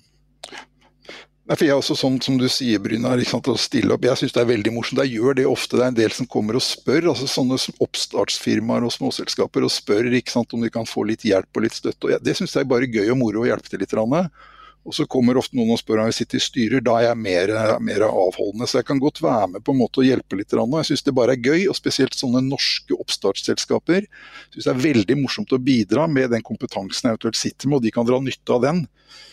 Men, men, det er langt fra det, for du skal involvere deg veldig mye. Da tar det plutselig veldig mye tid, så der holder jeg meg litt unna. Jeg synes Det er veldig gøy å hjelpe, hjelpe til, altså kunne der du har muligheten til å bidra med kompetansen din. Nå skal jeg ikke si at det er voldsom kompetanse, men det er sikkert områder hvor jeg har muligheten til å bidra. Og, og hvis jeg har det, så syns jeg det er greit å, å, å, gjøre det uten at, det skal, at du skal ha betalt for det. For det er bare gøy å se at de lykkes. Ja, men det, det, er helt fantastisk, og det kan jeg jo si. Det tror jeg har sagt før også, at eh, altså, når vi hadde, eh, eller det vil si mer spesifikt når, jeg hadde en idé om å lage en, en, en eh, tjeneste rundt bankinnskudd, så så jeg jo for meg noe helt annet enn hva vi, har, hva vi faktisk har utvikla i dag. Og Grunnen til at vi har tilpassa oss, det er jo nettopp at kunder sånn som deg, Dag, vi har, har stilt opp og, og eh, ja, vært med i små workshops og fortalt hvordan de ønsker at produktet skal, skal utformes. Og så har man jo tilpassa seg kundeønskene underveis. ikke sant? Og det har vært, har, eh, jeg tror det har vært et av de suksesskriteriene som gjør at, eh, at de nye kundene som kommer på, ganske umiddelbart skjønner, skjønner tegninga og, eh, ja, og, og, blir fornøyde brukere av plattformen. Så, så, det at man stiller opp, det, det tror jeg jeg tror det er utrolig mange bedrifter som, som har hatt suksess nettopp fordi at de har vært heldige og truffet på folk som vil de vel, og som, som hjelper til da, med synspunkter og meninger. Det trenger ikke å være så voldsomt som du sier i dag, men at man får en nudge i riktig retning, tror jeg er veldig viktig. Så det, det tror jeg er fantastisk bra. og Det, det er vi veldig glad for at, at du gjør. da. Men jeg må ta meg tilbake inn til organisasjonen din også, Brynjar. For jeg har jo hatt noen ganger jeg har spørsmål, men det er veldig høy grad av servicegrad. Og, og stiller opp og lett å få svar, og de er kjappe. Det, og, det, og, det, tror jeg nettopp er en nøkkel, ikke sant. Ja, ja. Eh, du Brynjar, når jeg sitter og ser på sida deres, den der dagens aktivitet er litt sånn av Jeg visste ikke at den var dynamisk. Den sitter og forandrer seg foran øynene. så det ser ut som det kommer inn penger på et eller annet vis til dere. Og renta stiger også. Ja, jeg blir helt blendet. Jeg sitter og ser på den hele dagen. Jeg ruller inn penger hele tiden der.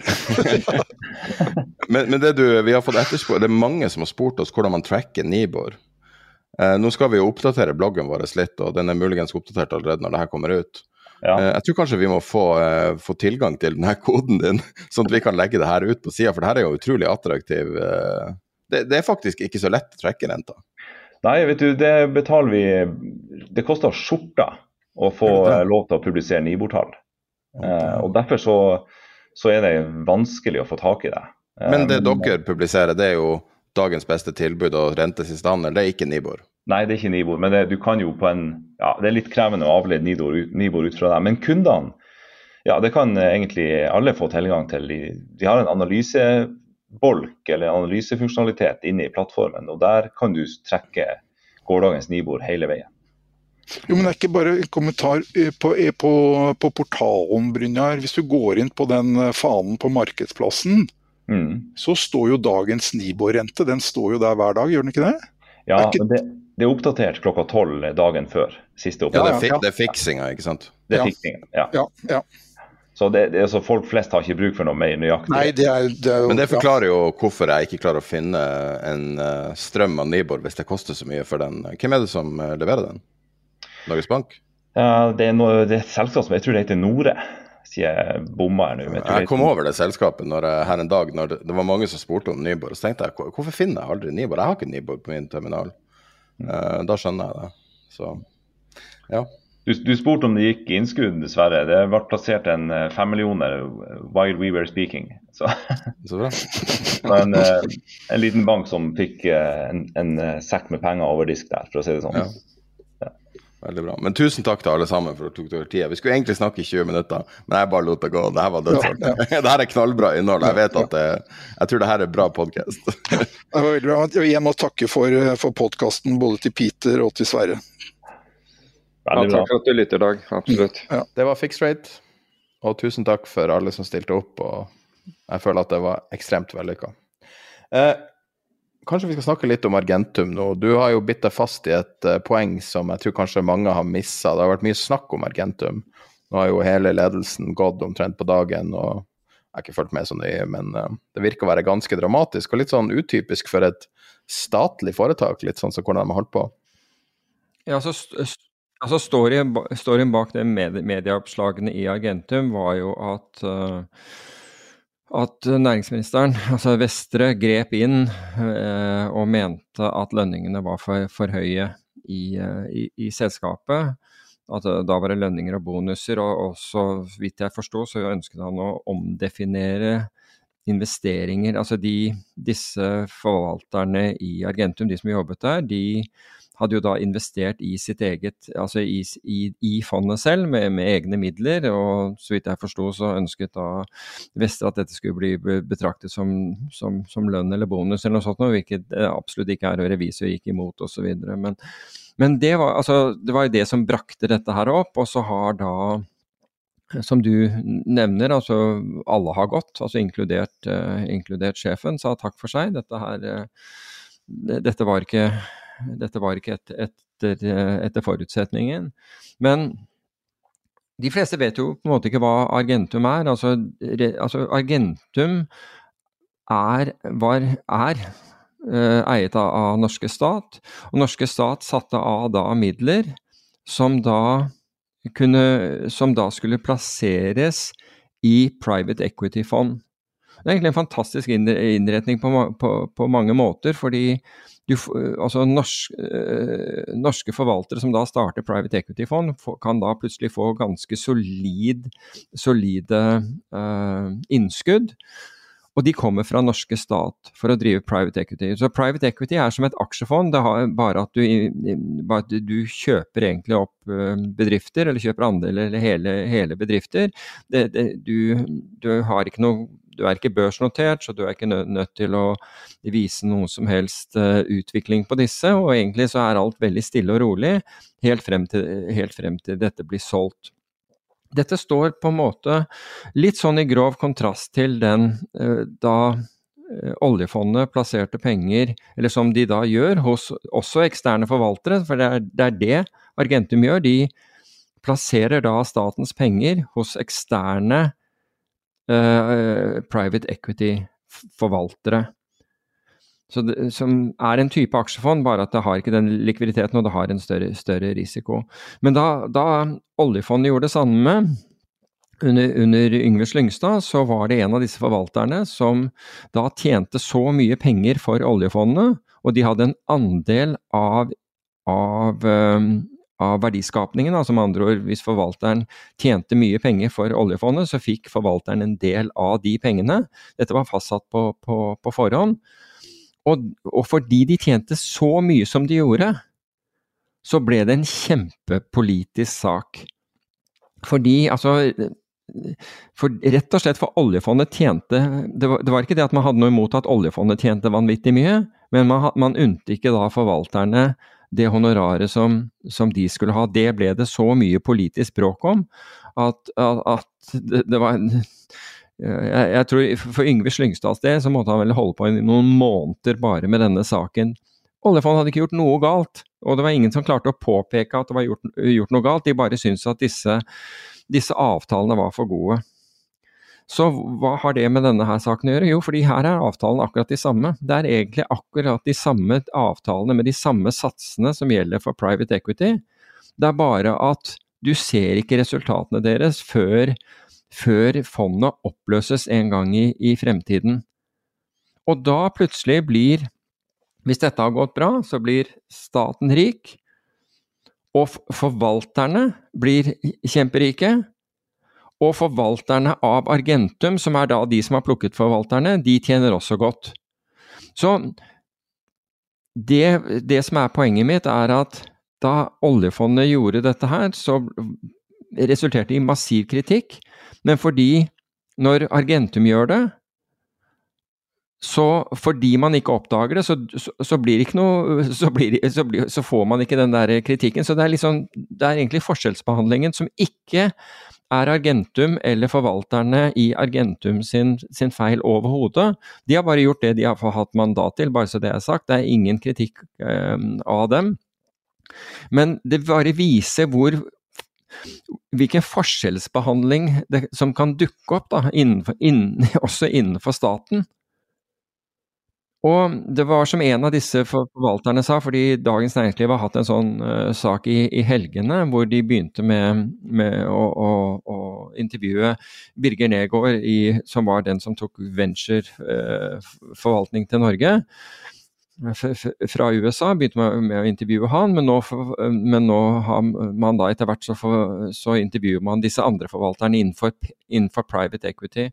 Og som, som uh, en av gutta i North Zone, altså Bjørn Stray, sier at hadde det ikke vært for Argentum, så vet ikke om de hadde overlevd i 2008 under, under, under finanskrisen.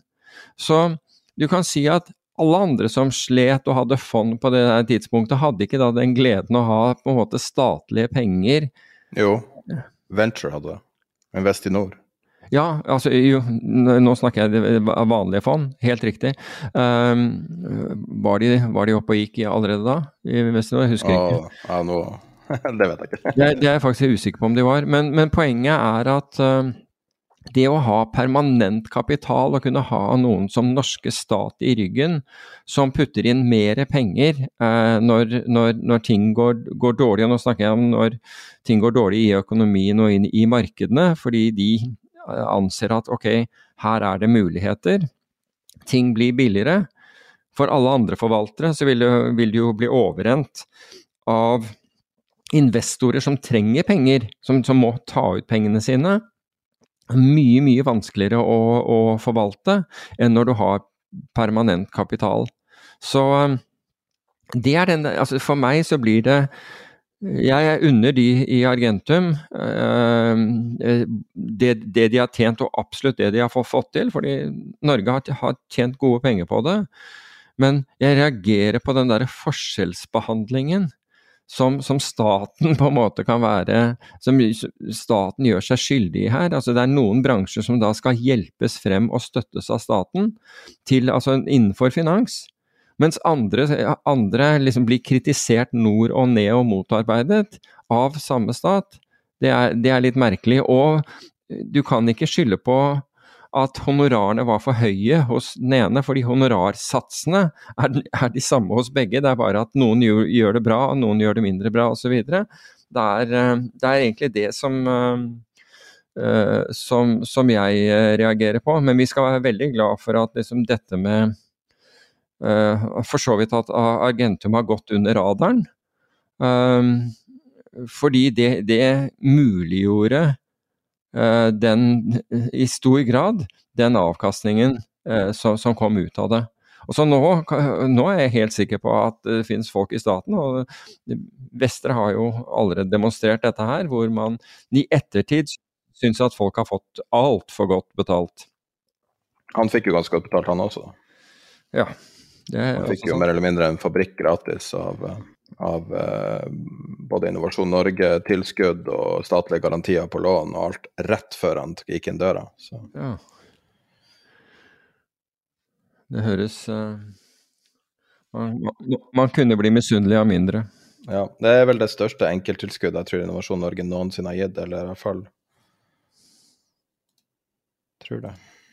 Men uh, Eh, nei, det er spennende tema du tar opp her. Også, eh, bare for ordens skyld, siden jeg nevnte Investinor. Det ble etablert våren 2008, så de rakk akkurat å få med seg finanskrisen. ok, men jo, men da, da, begynte de kanskje å investere i finanskrisen, og i så fall så var jo det veldig bra. Eh, ja, det ser ut som de begynte før, vil jeg tro.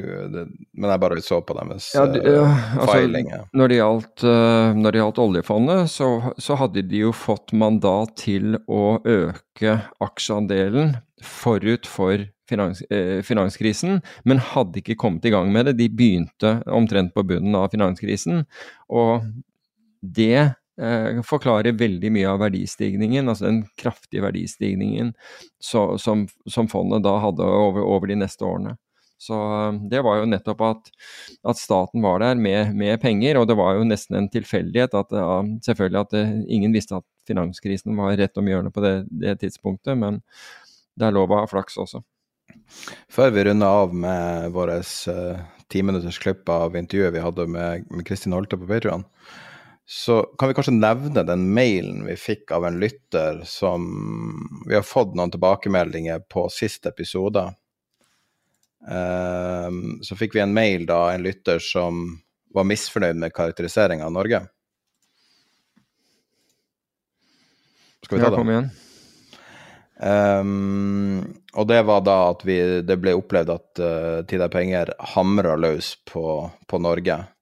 Og uh, lytteren sier han ble lei seg av å høre sist podkast. Og det høres ut som Norge er et dårlig land å bo i, og det er det faktisk ikke. Og så henviser de til en eller annen graf som sier at Norge er verdens beste land, osv. Og så ber han om at vi snakker om uh, løsninger og ting man kan gjøre, f.eks. Uh, hva de gjør i Finland og drifter bedre og alt sånn. Og så uh, sier han at vi henviser ofte til anekdoter, eller at man har hørt eller lest og den etterlyser mer data for å backe opp, uh, backe opp det som blir hevda. Og han personen her som jobber som ambulansesjåfør, sier at, at sånn som ting blir fremstilt i media, er ikke, feil, er ikke, riktig, og folk er ikke enten syke, har psykiske problemer eller rusavhengige.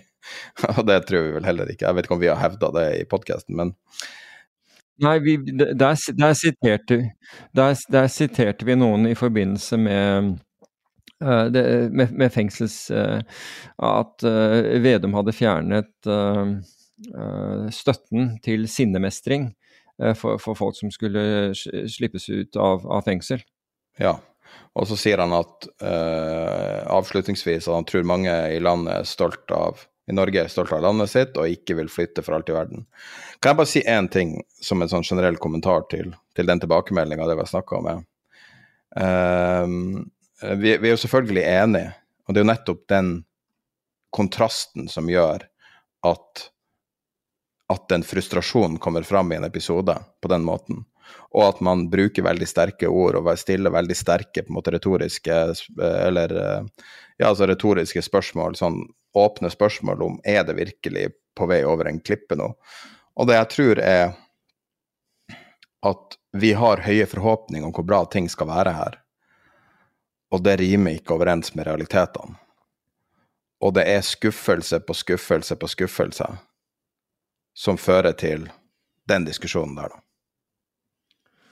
Altså, jeg, jeg tror ikke altså hvis, man, hvis, vi først skal liksom dokumentere Og det er greit, jeg har ikke noe problem med liksom at man uh, om, om, det vil ettergås, men hvis vi skal Som dokumentasjon for det, for det synet som da eventuelt ble uh, ble fremført sist, så er det jo egentlig bare å se på velgeroppslutning for, for regjeringspartiene. Det er jo ikke verre enn det. Altså, det er ikke som vi står som de eneste som sier at dette her går utforbakke. Ikke i det hele tatt. Um, uh, og en annen ting er og, og, uh, altså Av og til så, så opplever jeg at men, og, men, sånn er man kanskje selv også. Du, du, leser et eller annet, og så kan du ha rett og slett en form for kognitiv lukking i forhold til det som står der, fordi du leser bare akkurat et eller annet som, som enten uh, som regel irriterer deg, eller et eller annet sånt. Det, og, og, Der skal man være forsiktig alle, alle, sammen. Men det er klart at når du påpeker po positive ting I forrige gang så, så, hadde vi også positive ting om, om folk, folk, i regjering, men det Eh, men, men det, liksom, det, det blir, ikke, blir, ikke, lagt merke til, og det er en form for kognitiv lukking. Vi har kalt Norge, eh, og det står jeg ved, at det er det forjette land. Det er virkelig, altså, og sagt at det ligger ikke i Midtøsten, det ligger faktisk her oppe i, i, i nord. For dette landet har fått alle de naturressursene det har, og alt som trengs å gjøre er å forvalte det på en god måte. Og så klarer vi å kaste det bort. Vi klarer å kaste bort store deler av det med, med og, og, nå skal jeg ikke angripe enkeltpolitikere i det hele tatt, fordi det var nærmest en sånn tverrpolitisk Alle politikerne alle partiene var ikke enige om det, det, det skal sies, men det var liksom en politisk enighet om man skulle gjøre det, basert på tall som viser seg og, og, og materiale som viser seg å ha vært feil i utgangspunktet, og som Men, men pga. at så mange var involvert, kommer neppe til å bli e-, ettergått det må gå an å påpeke disse tingene, fordi det er eh, vi, vi, er godt inne i en eh, Man kan, man kan skylde på Ukraina så, så mye eh, man vil. og det, og man, det var jo gassprisene som gjorde at vi betalte så mye for, for strøm. Nå er gassprisene lavere enn de var før Ukraina, og vi betaler fortsatt. Hva er det for noe? 11,99 koster det. 11 øre 99 ja, okay, så, så, okay, så er over 100, men la oss Og så er det ikke det der at man ikke er villig til å forsøke å gjøre noe. for Du hører sånne sure kommentarer at ja, hvis man får mer hjelp altså Ingen snakket om dette her da strømmen var billig, at man, man skulle spare. Men når den er dyr altså, Selvfølgelig gjør man det man kan. Selvfølgelig gjør man det man kan. Jeg har liksom stengt fire rom i i huset hvor ikke har varme i det hele tatt, og du kjøper inn ved, og du bruker, har lister, altså sånn tetningslister og forsøker å gjøre alt mulig man kan, men så er det det at man har et hus som var bygget med de, innenfor de byggeforskriftene som var for, for 30 år siden. Ikke sant? Du, du, kan, du, kan, du kan ikke måtte åke i fengsel for det, men nå har jeg funnet, nå har jeg, nå har jeg funnet ut en måte å å justere det der økonomisk på. For de der fire rommene de har jeg tenkt å leie ut som fryseboks neste år. Så da får jeg i hvert fall inntekter derfra, da. Men det er jo ikke du som er problemet. Du har råd til regninga. Problemet her er jo dem som ikke har råd til regninga. Råd til regning, det, det, er jo bare et spørsmål, det er bare et spørsmål om tid. Det er bare et spørsmål om tid. Men alvorlig talt, eiendomsskatt, formuesskatt og alt mulig sånt, det er bare et spørsmål om tid. Det er en grunn til at folk, til at folk, folk flytter. Men det er jo ikke det. Altså, det er jo spørsmål om Én ting er jo spørsmål om hva er rett og rimelig? Og da er det jo det er ikke spørsmål om du har råd til det. Det store spørsmålet her som, som er så sykt, når man ser det opp mot hva et partiprogram sier, og det gjelder alle partier, mer eller mindre, man skal hjelpe de svake osv. Men hvem er det som blir ramma av det her? Mm. Tenk å være en minsteperson altså, jeg, jeg, Bestemora mi døde for, for, mange år siden og ble 102 år og bodde hjemme helt til siste bit. Og, og jeg bare tenker, jeg tenker alltid på henne i et hus som var bygd av hennes uh, mann på hva det var på 40-tallet, eller hva det var, veldig, veldig, veldig, veldig lenge siden. Et hus som selvfølgelig ikke var tett. Og jeg bare tenker på hun som var minstepensjonist så mange år og sleit så mye, og liksom akkurat få enden til å møtes. Et helt liv, egentlig. Og jeg tenker alltid på hun når jeg hører om de her tingene, når jeg hører om de her hjerteskjærende kuttene, sånn som at de ikke inflasjonsjusterer minstepensjonen, og at, at, strøm, at strøm liksom hele tida spekulerer i at, at, du gir mindre på en måte strømstøtte enn det minste kravet. At I stedet for å bare sette en makspris, så sier du 90% og så Et eller annet triks hele mm. tida. Og så har du de her stakkarene som, som, er så dumme at de gjør, prøver å skape verdiskapning i Norge. Og om det er en lokalbutikk eller lokal frisør eller hva det er, som sier at herregud, hvorfor har ikke du kjøpt en fastprisavtale? Og jeg har tenkt på det her med de fastprisavtalene. På en måte så har regjeringa sin approach vært det samme som Putin sin approach. Så Putin spekulerte i at Europa skulle eh, Europa skulle knekke pga. strømmen. Han trodde at Europa skulle inngå lange avtaler før, eh, før de her ledningene røyk alt sammen. Og det var helt obviously en taktikk fra hans side. Å spekulere opp prisene, trekke tilbake tilbudet når, når, strømmen allerede hadde begynt å stige. Trakk jo tilbake masse tilbud i Europa for å få prisene opp, helt obviously. Og så steg prisene, men så gikk ikke Europa med på de her blodprisene. Og så har gassprisene falt tilbake igjen. Sånn at den gambiten funka ikke. Og hva gjorde de i Norge? Norge er selger av strøm til sitt eget folk og sine eget næringsliv. Så går prisene opp til himmel, så sier du ja, selvfølgelig kan du få en fastprisavtale. og så får du fastprisavtale på helt latterlig høy pris til du må binde deg i fem år. Og det er jo akkurat det samme, det er jo samme basic gambiten. Og det er jo staten som selger strømmen, den koster nå 11,99 uansett faen hva, hva uh, markedsprisen sier. Deres kostpris er jo den samme. Det er jo bare hva du gir slipp på av overskudd som er forskjellen. Mm. Og Det er jo det samme som Putin holder på med. Og vil man virkelig gjøre samme taktikk som Putin Jeg fatter ikke, jeg setter på spissen, jeg er klar over det. Men du kan ikke si at det er veldig ulikt de to. Og nå har de jo tatt selvkritikk på det her, men egentlig ikke. De har jo bare senka maksprisen litt. Grann, eller fastprisen litt. Grann. Og hvis du skal da vingeklippe norske bedrifter, som ingen, ingen tør å forsvare norske bedrifter, de skal bare vite bedre, og man skal ikke hjelpe bedrifter. Men det er jo ikke snakk om å hjelpe, det er jo snakk om å ikke skade. Det er en stor forskjell. Og hvor lang tid tar det å bygge opp et nytt privat næringsliv? En generasjon? To generasjoner? For det er det som er i fare. Og så når man først gir noe tilskudd, så gir man det til, til dem som bygger eiendom. Nok en gang er det eiendomseierne som får alle tilskuddene. Det er jo ikke eiendomseierne som betaler strømregninga, det er jo selskapene. Du har jo en, når du leier en eiendom, så har du jo også en strømavtale, og de tilskuddene som gikk til å bygge nye vinduer, eller gud vet hva det var, gikk jo til dem som eier bygget. Og hvem er det som eier bygget? Det er de rikeste i Norge. Næringseiendomeierne er de aller rikeste i Norge. Så her har man tatt og gitt dem tusenvis av millioner til tilskudd. Fordi at de skulle eh, pusse opp sine gamle næringsbygg. I stedet for å bare gi en makspris til næringslivet. Og næringslivet er så mangt, altså. Næringslivet er ikke bare Aker og, og Norsk Hydro og Yara og, og eh, gud vet hva, DNB. Næringslivet er jo masse, masse små bedrifter med én og to ansatte. Mm. Og de blør overalt, og ingen beskytter dem. Vi har ikke ett eneste næringsvennlig parti i Norge. Ikke ett. Ingen forsvarer dem. Alle bare sier at de rike, som har svømmebasseng og alle de her fablene hele tida får høre.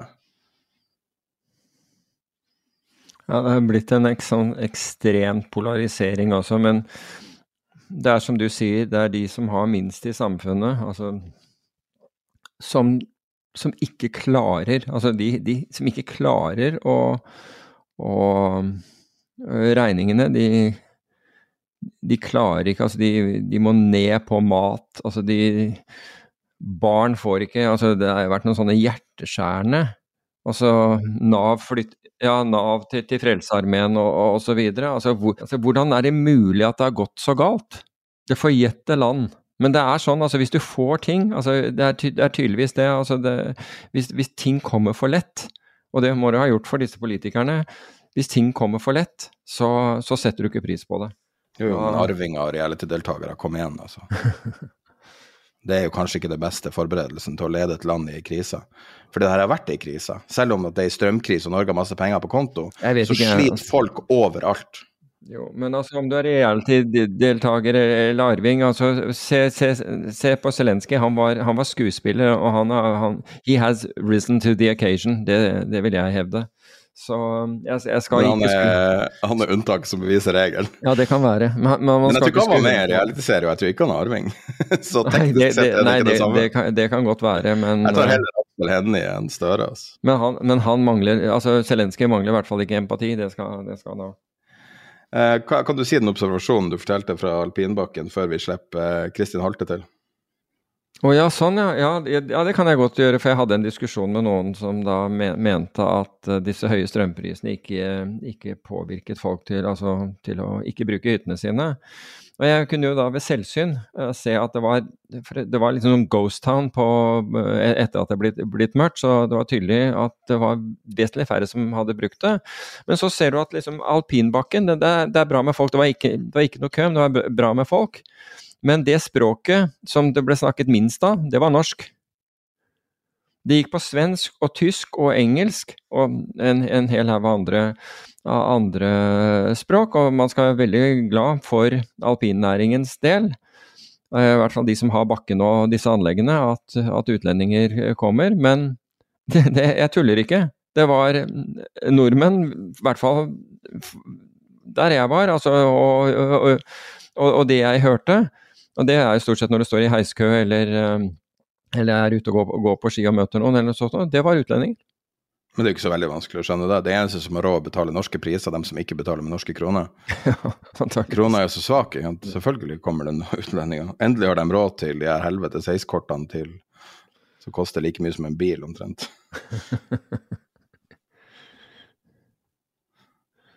ja, det var ikke den verste delen, det, da. Men, eh, men, men jeg reagerte på det. Det var Og, og men med, med, jeg har eh, jeg, jeg har sans for at at det, det, er jo fantastisk det at, at, disse som har bygget anleggene, at, det, at, de får det til å gå rundt. da.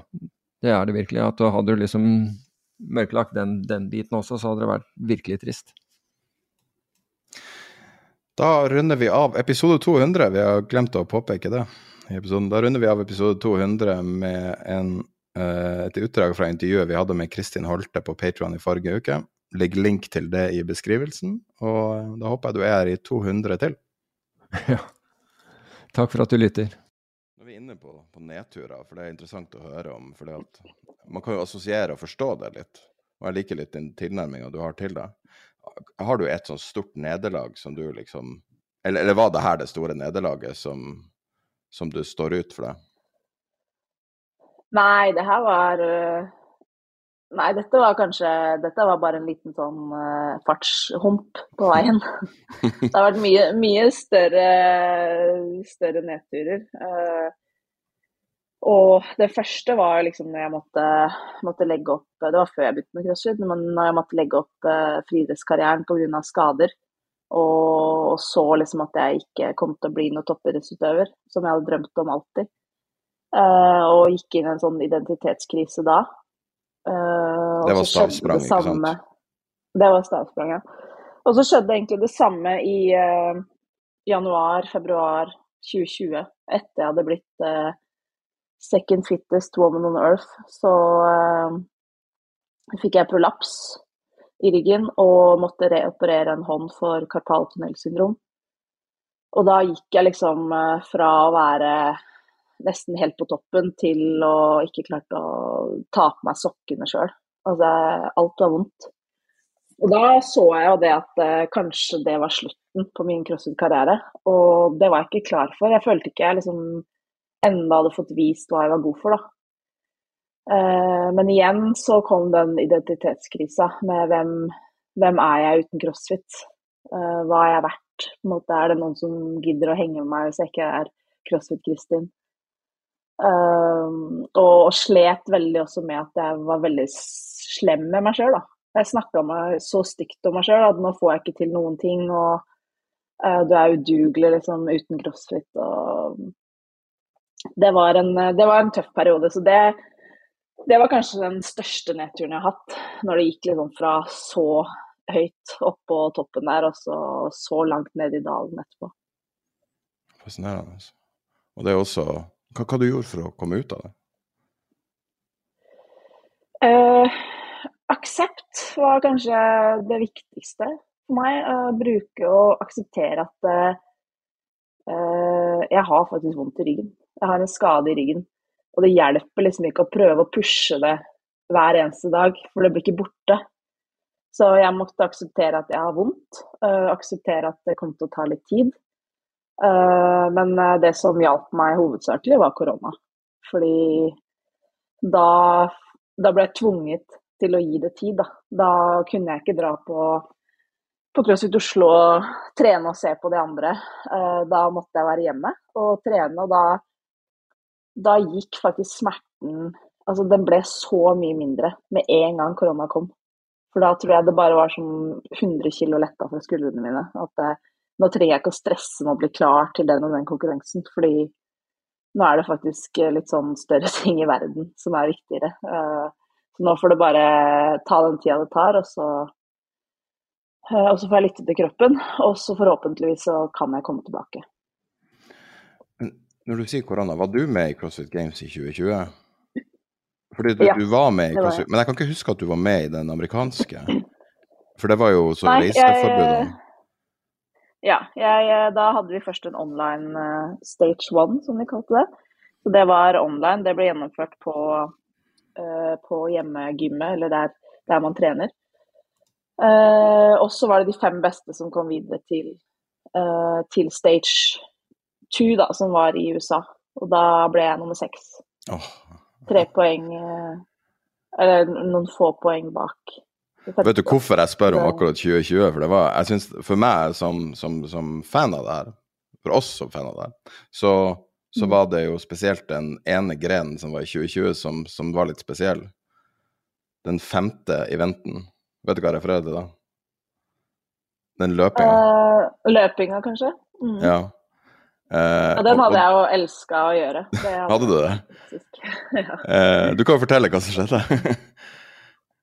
hva, hvorfor den var spesiell, eller skal jeg fortelle det? Ja, nei, de, de løp jo Nå husker jeg ikke hvor langt de løp, da, men de hadde løpt en ganske lang runde. Uh, og så hadde de fått beskjed om at de skulle løpe den én gang. Og så spurter de første i mål, og så når de kommer over målstreken, så står han Dave Castro, da, direktøren der, og så sier Da kan dere løpe én runde til. Uh, og da Da ser du jo at det bare rakner for noen av, noen av utøverne. Uh, det sykeste var jo nettopp det at det ikke rakna. altså det, at de aksepterte det på noen sekunder. Det syns jeg var det rareste. Ja, og, og jeg føler at det er kjernen til CrossFit, det, det øyeblikket der. Der det bare er sånn ja. OK. Men jeg tror nok inni dem, og så så du også på ansiktet deres som en gang, at det, bare Hæ? Altså, det er du seriøs?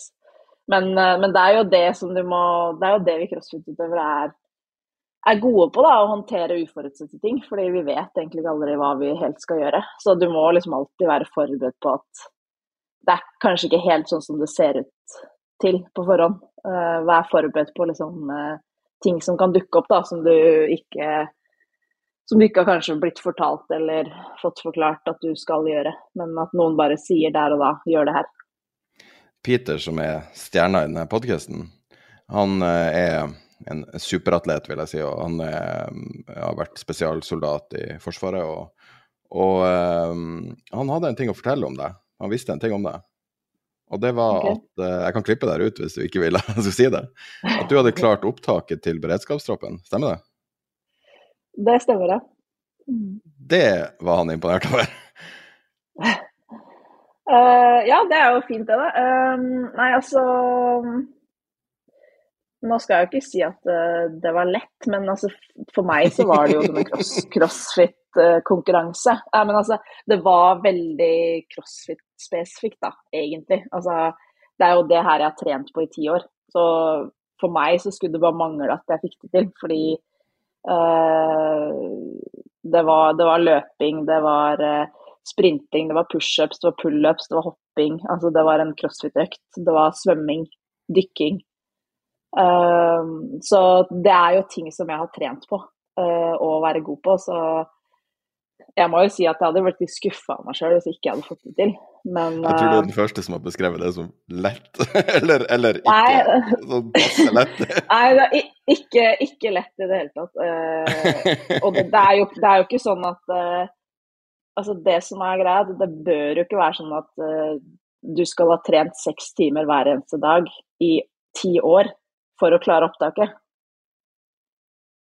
Og det, det er jo for det er jo det jeg har gjort. Jeg har jo nesten trent spesifikt på det her. Det var det jeg føltes ut som jeg gjorde den testen.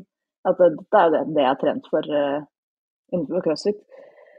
Så Og det var jo noen ting som var tøft, som den pullupen. Det, det var jeg ikke sikker på om jeg skulle få det til på forhånd, faktisk. Med fire reps med 15 kilo vektvest. Det er ganske tøft. Da skal du ha trent litt, uh, litt spesifikt og trent ganske mye styrke for å få til den. Skal vi snakke litt om rekordene dine? Her har jeg funnet fram til dine personlige rekorder. Du kan jo rette på ja. det som er feil. 400 meter løp på 60 sekunder. 3000 på ja. 11,30. Halvmaraton, men da Birken halvmaratonen, på 1,34.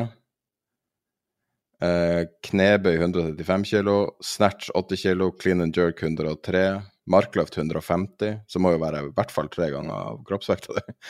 Uh, og så Det interessante her er jo også da en sånn typisk sånn crossfit-spesifikk ting. da, Strikte pullup 20, altså vanlig det man forbinder med pullup. Men sånn type crossfit-pullup som er kipping, tar du 50. Og så muscle up i ringa 13.